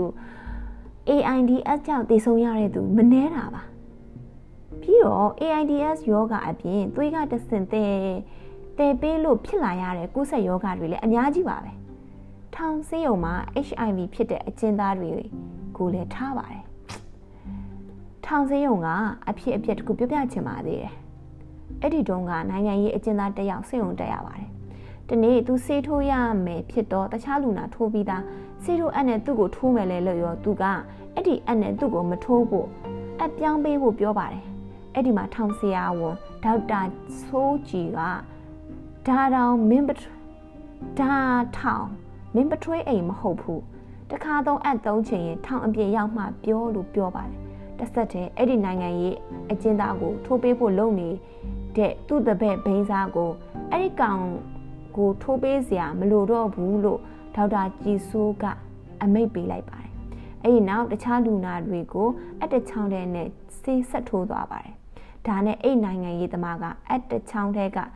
ဆေးအထိုးခံရတဲ့တခြားအကျဉ်းသားတွေကိုဘာလို့ခမည်းတော်ငြိမ်ခံနေကြတာလဲလို့မေးတော့အတချောင်းနဲ့သုံးလို့ AIDS ဖြစ်ပြီးတည်မှာကနောက်ခမည်းလို့ပြောလို့ စိတ်ဆိုးပြီးဆေးမထိုးပေးလို့တည်မှာကအခုဒီတော့နောင်ခါလာနောင်ခါဈေးပဲလို့ပြန်ပြောကြပါတဲ့ဟုတ်ကဲ့နောက်ပိုင်းမှာတော့အဲ့နိုင်ငံရေးအကျဉ်းသားလေးဆေးတို့ခါနေတိုင်းအပြောင်းပေးဖို့မပြောတော့ပါဘူးထောင်ပုံစံခန်းသို့မဟုတ်ထောင်တွင်ညှဉ်းပန်းနှိပ်စက်ရေးစခန်းပထမပိုင်းထောင်အကြောင်းပြောရင်ဘလို့မှခြံထားလို့မရတာကတော့ထောင်ပုံစံအခန်းအကြောင်းပါ ပုံစံခန်းဆိုတဲ့အတန်ကြားလိုက်တာနဲ့စက်တီထမသွားရတဲ့ကြောစိတ်မသွားရတဲ့အကျဉ်းသားဆိုလို့ထောင်ထဲမှာမရှိပါဘူးထောင်အာနာပိုင်တွေရဲ့လူမဆန်ဆုံးအမိုက်မဲဆုံးတရားမျှတမှုအကင်းမဲ့ဆုံးအပတ်ဆက်ဆုံးအညစ်ပတ်ဆုံးလုံးရက်တွေလှုပ်ဆောင်တဲ့နေရာတစ်ခုဖြစ်လို့ပါပဲလူအတွက်လွတ်လပ်မှုဟာတန်ဖိုးလည်းဖြစ်တယ်အနှစ်သာရလည်းဖြစ်တယ်လွတ်လပ်မှုကိုရုပ်သိမ်းခံလိုက်ရတာဟာအဲ့ဒီလူမှာရှိနေတဲ့တန်ဖိုးနဲ့အနှစ်သာရကိုရုပ်သိမ်းခံလိုက် ခံလိုက်ရတာပဲလို့ပညာရှင်တွေဆိုမိကြပါတယ်အဲ့ဒီလိုလွတ်လပ်မှုရုပ်သိမ်းခံရတာဟာအသက်ရှင်နေတဲ့လူတစ်ယောက်အတွက်အထိကအနစ်နာဆုံးဖြစ်လို့ထောင်ဒဏ်အပြစ်ပေးခြင်းဟာသူကျူးလွန်ခဲ့တဲ့ပြစ်မှုအတွက်လုံလောက်တယ်တခြားညှဉ်းပန်းနှိပ်စက်တာမျိုးမလုပ်ရလို့ဆိုပါတယ် ဒါကြောင့်ထောင်ထဲမှာညှဉ်းပန်းနှိပ်စက်ခြင်းမပြုရထောင်စည်းကမ်းချိုးဖောက်လို့အပြစ်ပေးရင်လည်းအဲ့ဒီအပြစ်ဒဏ်ဟာလူကုန်သိက္ခာထိခိုက်ညှိုးနှွမ်းစေသောအပြစ်ဒဏ်မျိုးမဖြစ်ရလို့ထို့အပြင်တရားဥပဒေနဲ့နိုင်ငံတော်ကိုနာကျည်းသွားစေနိုင်သောအပြစ်ဒဏ်မျိုးမရှိစေရလို့တရားဥပဒေနဲ့တားမြစ်ကန့်သက်ထားပါတယ်။တရားဥပဒေနဲ့နိုင်ငံတော်ကိုနာကျည်းသွားသူတွေဟာလူအဖွဲ့အစည်းလူအတိုင်းအဝန်အတွက်တိတ်အန္တရာယ်များတယ်မဟုတ်ပါလား။ ထောင်မှာအချုပ်ဆောင်ပုံစံခန်းနဲ့ထောင်ကျဆောင်ပုံစံခန်းဆိုပြီးနှစ်မျိုးရှိပါတယ်။အချုပ်ဆောင်ပုံစံခန်းကတရားရုံးကအပြစ်ရှိကြောင်းမဆုံးဖြတ်ရသေးတဲ့အမှုရင်ဆိုင်စေအချုပ်သားတွေအတွက်ဖြစ်ပါတယ်။ထောင်ကျဆောင်ပုံစံခန်းပုံစံခန်းကတရားရုံးကအပြစ်ရှိကြောင်းဆုံးဖြတ်လိုက်တဲ့ထောင်ဒဏ်ပဲ၍ပဲများဆိုပြီးချမှတ်ခံလိုက်ရတဲ့အကျဉ်းသားတွေအတွက်ပါ အဓိကကြတဲ့ပုံစံခန်းကချုပ်ဆောင်ပုံစံခန်းဖြစ်လို့အဲ့ဒီပုံစံခန်းအကြောင်းကိုပဲအဓိကထားဖော်ပြသွားပါမယ်တကယ်တော့ထောင်ပုံစံခန်းရဲ့မူလသဘောကအကျဉ်းထောင်ဥပဒေအရထောင်ထဲမှာနေတော့အကျဉ်းသားတဦးလိုက်နာရမယ်အခြေခံစည်းကမ်းဥပဒေတွေကိုသင်ပေးတဲ့နေရာဖြစ်ပါတယ်။ထောင်တွင်းမှာနေရထိုင်ရမယ်ပုံစံတွေသင်ပေးတာဖြစ်လို့ပုံစံခန်းလို့ခေါ်တာပါ။ အဲ့ဒီစည်းကမ်းတွေကိုအကျဉ်းသားတွေကြိုတင်သိရှိထားခြင်းဖြင့်ဥပဒေအရသတ်မှတ်ထားတဲ့ထောင်စည်းကမ်းတွေကိုမချိုးဖောက်ရအောင်ကြိုတင်ကာကွယ်တဲ့သဘောထောင်စည်းကမ်းကိုစည်းကမ်းတကျလိုင်းနာစေခြင်းတဲ့သဘောပါထောင်မှာရမဖြစ်ရဘောပင်မကင်ရထောင်ဖောက်ဖို့မကြိုးစားရထောင်အာဏာပိုင်တွေကိုဘယ်လိုအယိုအသေးပေးရမယ်စသဖြင့်စည်းကမ်းတွေဖြစ်ပါတယ်အဲ့ဒီမှာအရေးကြီးတဲ့ထောင်ပုံစံ၄မျိုးပါ ထောင်ပုံစံ၄မျိုးထိပ်ကနံပါတ်1ပုံစံကထောင်တွင်းလူအရေးအတွက်စစ်တဲ့အခါထောင်အရာရှိတွေလာတဲ့အခါထောင်သားတွေထိုင်ပေးရတဲ့ပုံစံပါအဲ့ဒီပုံစံကတင်ပလင်ခွေထိုင်လက်နှစ်ဖက်ကိုဆက်လက်သီးကိုကြစ်ကြစ်ပါအောင်ဆုပ်ပြီးဒူးပေါ်တင်းကြောကိုဖြောင်းနေအောင်ဆန့်ဆွဲအတင်းဇက်ချိုးခေါင်းငုတ်ထိုင်ပေးရတဲ့ပုံစံပါ ထောင်ထဲမှာပုံစံလို့អော်လိုက်တဲ့အတန်ကြားတာနဲ့တပြိုင်နက်ကြားတဲ့အရာမှာအကျဉ်းသားအလုံးချက်ချင်းအဲ့ဒီပုံစံထိုင်ပေးရပါမယ်ပုံစံခန်းကိုတာဝန်ယူပြီးသင်ပေးရတဲ့သူတွေကထောင်အာဏာပိုင်တွေရွေးချယ်ခန့်အပ်ထားတဲ့ရာဇဝတ်အကျဉ်းသားလူဆိုးတွေပါပဲအကျဉ်းသားတွေထဲမှာအဆိုးဆုံးအမိုက်ဆုံးဆိုတဲ့နာမည်ကြီးလူဆိုးတွေကိုထောင်ကရွေးချယ်ခန့်ထားတာပါအဲ့ဒီလူတွေထဲမှာယာတို့အကြီးဆုံးလူကို အခန်းလူကြီးလို့ခေါ်ပါတယ်သူတို့ဟာလူဆိုးကိုင်းတကိုင်းအတိုင်းပါပဲထောင်ပုံစံခန်းကိုသွားကြည့်ရရင် အခုလိုမြင်ရမှာဖြစ်ပါလိမ့်မယ်အကျဉ်းသားစုစုပေါင်း200 300လောက်ဟာအခန်းကျယ်ကြီးမှာဖော်ပြထားတဲ့နံပါတ်1ပုံစံဖြစ်တဲ့တင်ပလင်ခွေထိုင်လက်နှစ်ပတ်ကိုဖြောက်တန်းအောင်ဆက်လက်သီးကိုကြစ်ကြစ်ပါအောင်ဆုပ်ဒူးပေါ်တင်ကြောကိုဖြောက်တန်းအောင်ဆန့်ဆွဲ အတင်းဇက်ချိုခေါင်းငုတ်ပုံစံနဲ့ငြိမ်နေအောင်ထိုင်ပေးကြရပါတယ်အဲ့ဒီလိုပုံစံထိုင်ပေးထားတဲ့အကျဉ်းသားတွေကိုအခန်းလူကြီးတွေနဲ့သူ့ရဲ့နောက်လိုက်လူဆိုးတွေကသုံးပင်လိန်ကြိတ်လုံးလေးတွေဝရင်တုပ်တွေစစ်ကပတ်တွေတရန်ရန်နဲ့ပတ်ချာလေးလှည့်ပြီးပုံစံမျိုးစုံအော်ဟစ်ဆဲရေးနေပါတယ်မင်းတို့ဘလောက်တတိရှိလဲမင်းတို့ထက်မိုက်တယ်လူစုပ်လုတ်စားနေတာကွထောင်ကြတာဘယ်နည်းနည်းရှိပြီကွ စသဖြင့်ချင်းချောက်လူမိုက်စကားပြောငါမအေးနှမတွေမျိုးစုံတက်ပြီးအော်ဟစ်ဆဲရေးတိုင်းထွာရင် ပုံစံထိုင်နေတဲ့ထောင်ရောက်ခါစားအကျဉ်းသားအသက်ကလေးတွေကိုစော်ကားမှုကလုပ်ပါတယ်အဲ့တလို့အော်ဟေရင်ကဘာမပြောညာမပြောနဲ့နီးစက်ရအကျဉ်းသားကိုဒုံနဲ့ဝင်ရိုက်ပါတယ်အဲ့ဒီလိုရိုက်ရင်တခါရိုက်တာရှင်သက်မရလို့ဆိုပြီးအဲ့ဒီအကျဉ်းသား ဘေးတဝိုက်မှာထိုင်နေတဲ့တခြားအကျဉ်းသားတွေကိုပါဘာမဆိုင်ညာမဆိုင်အော်ဟစ်ဆဲရေးသိန်းကျုံဝင်ရိုက်ပါတော့တယ်ပုံစံထိုင်ပေးနေရတဲ့အကျဉ်းသားအစ်စ်ဟာကြောက်လွန်းလို့အကုန်လုံးတုံနေကြပါတယ်ပုံစံခန်းထဲမှာအခန်းလူကြီးကထောင်စည်းကမ်းတွေအော်ဟစ်တိုင်ပြီးဒါကိုထောင်အကျဉ်းသားတွေအားလုံးတန်ပြိုင်လိုက်ဆိုကြရပါတယ်အဲ့လိုလိုက်ဆိုရမှာလဲအတန်တတန်ထွက်ထွက်မလာရင် အတန်မညီရကောင်းလားဆိုပြီးအားလုံးကိုတိမ်ကျုံဝင်ရိုက်တာမျိုးလည်းရှိသလို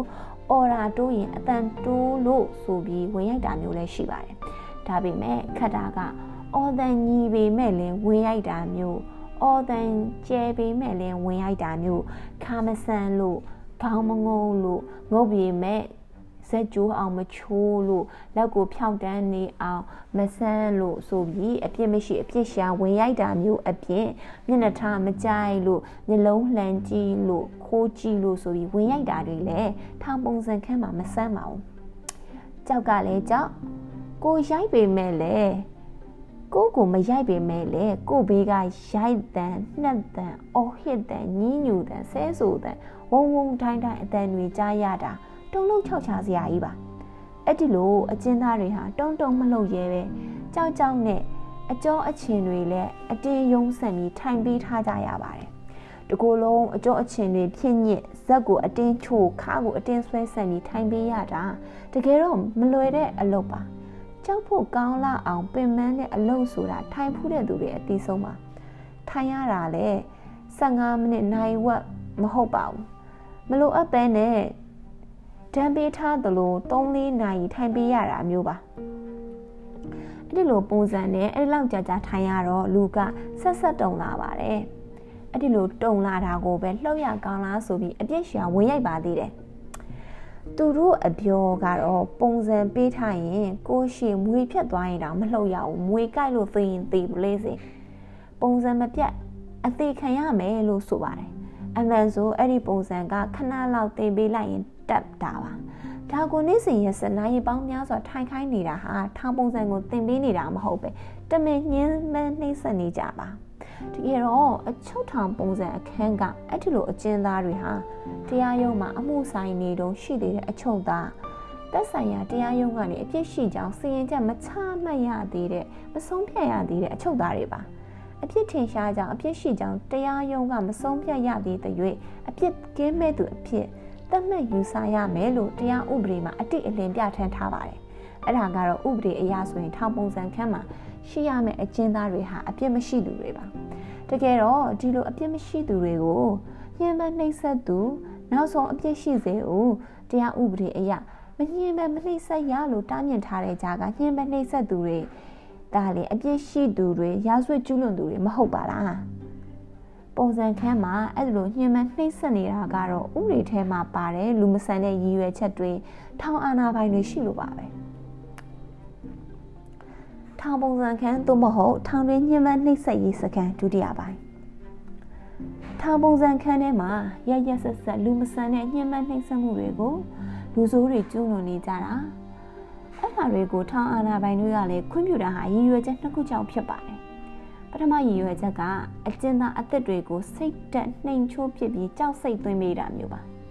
ဂုံတိတ်ခါရှိတဲ့ယဉ်ကျေးတဲ့အစိုးရတွေလို့တရားဥပဒေနဲ့အုပ်ချုပ်ပဲကြောက်စိတ်သွင်းပြီးလူတွေကိုအုပ်ချုပ်တဲ့နည်းဟာလူတွေကိုတရိษံလူသဘောထားတဲ့အုပ်ချုပ်နည်းလူဆိုးတခိုးတွေရဲ့နီးနဝတအစိုးရရဲ့အုပ်ချုပ်နည်းဖြစ်လို့သူ့လက်အောက်ခံအဖွဲ့အစည်းတွေဟာအဲ့ဒီပုံစံအတိုင်းလုပ်ကြတာမဆန်းပါဘူး ထောင်ပုံစံခန်းမှာအကျဉ်းသားတွေကိုဘလောက်ထိရိတ်ရစ်ဆက်ဆက်ကြောက်စိတ်သွင်းပေးထားတယ်လဲဆိုရင်အကျဉ်းသားတွေဟာထောင်အာဏာပိုင်တွေထောင်အာဏာပိုင်တွေရဲ့တပည့်သားလူဆိုးတွေကိုလမ်းမှာတွေ့ရင်တော့မျက်လုံးတော့လှမ်းမကြည့်တော့တဲ့ဘဝကိုရောက်သွားပါတော့တယ်တွေးလိုက်တာနဲ့ခေါင်းထဲကြောက်ပြီးတကိုယ်လုံးဆက်ဆက်တုံနေကြတာပါတခါတခါမေးခွန်းမေးရင်တော့ကြောက်ပြီးအာစေးထည့်ထားသလိုဖြစ်သွားတတ်တာမို့အဖြေမထွက်လာတော့ပါဘူး လူတွေကိုအဲ့လောက်လူညွတ်တော်အောင်လုပ်ထားတာပါတခါတခါထောင်အာနာပိုင်တွေနဲ့လူစုတွေကစိတ်အခက်မသိလမ်းမှာတွေ့တဲ့အကျဉ်းသားကိုဘောင်းဆိုင်ညမဆိုင်ပါရိုက်သွားတတ်တာမျိုးတွေလည်းရှိတော့အကျဉ်းသားတွေကြောက်တာလည်းမဆန်းပါဘူးအဲ့ဒီလိုစိတ်နဲ့နှိမ်ချိုးထားတဲ့အတွက်ပုံစံခန်းကထွက်ပြီးအကျဉ်းထောင်တွင်းနေတဲ့အခါထောင်သားတွေအနေနဲ့လူဆိုးတွေထောင်အရာရှိတွေမတရားနှိပ်စက်တာ ဖောက်လွယ်ဖောက်ပြန်လုပ်နေတာလက်စားနေတာစသဖြင့်ဘာပဲလုပ်လို့အဲ့ဒါတွေကိုမပြောရဲမဆိုရဲမတိုင်မတိုင်မတော်ရဲတော့တဲ့အပြင်ကိုနစ်နာချက်တွေကိုတော့မထုတ်ဖို့ရဲမပြောဆိုရဲဖြစ်သွားတော့ပါပဲထောင်လူဆိုးနဲ့ထောင်အာဏာပိုင်တွေလိုလားတာကလည်းအဲ့ဒါပါပဲတကယ်တော့အကျဉ်းသားတွေနဲ့ပတ်သက်လို့နိုင်ငံတကာဥပဒေထောင်ဥပဒေမှာအကျဉ်းသားတယောက်ကိုရည်ရွယ်ချက်နဲ့တမင်ညှဉ်းပန်းနှိပ်စက်တာမျိုးခွင့်ပြုဖို့ဝေးလို့အကျဉ်းသား အရောက်အကျဉ်းအကျက်ရောက်နေတာမို့စိတ်ပိုင်းဆိုင်ရာအရာထိခိုက်သွားနိုင်တယ်ဆိုပြီးထောင်တွင်းကျန်းမာရေးကိစ္စတွေမှာခန္ဓာကိုယ်ပိုင်းကျန်းမာရေးအပြင်စိတ်ပိုင်းကျန်းမာရေးအတွက်စိတ်ယောဂကိုနားလည်တဲ့ဆရာဝန်တွေပါထားရှိပေးရမယ်လို့ဥပဒေတောင်သတ်မှတ်ထားတယ်မဟုတ်လားပုံစံခန်းထဲမှာအကျဉ်းသားတွေကိုရရဆက်ဆက်ညှဉ်းပန်းနှိပ်စက်တဲ့ဒုတိယရွယ်ချက်ကတော့အကျဉ်းသားတွေစီကငွေညှစ်ယူဖို့ပါငွေညှစ်တဲ့နည်းကတော့အခုလိုဖြစ်ပါတယ် ပုံစံခန်းထဲမှာရရဆက်ဆက်နှိပ်စက်ပြလိုက်လို့နောက်ထပ်အရိုက်ခံရမှာဒစိမ့်စိမ့်တွေးကြောက်နေတဲ့အကျဉ်းသားတွေစီလူတချို့ချင်းကက်လာပြီမကြောက်နဲ့အရိုက်မခံရအောင်လုပ်ပေးမယ်ပတ်စံဘလောက်ပေးဆိုပြီးတူတူတိတ်တိတ်လာပြောကြပါတယ်အမှန်ကအဲ့ဒီလိုလာပြောသူတွေဟာ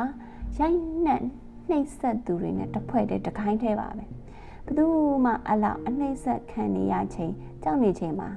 ပတ်စံပေးမှာပါပဲ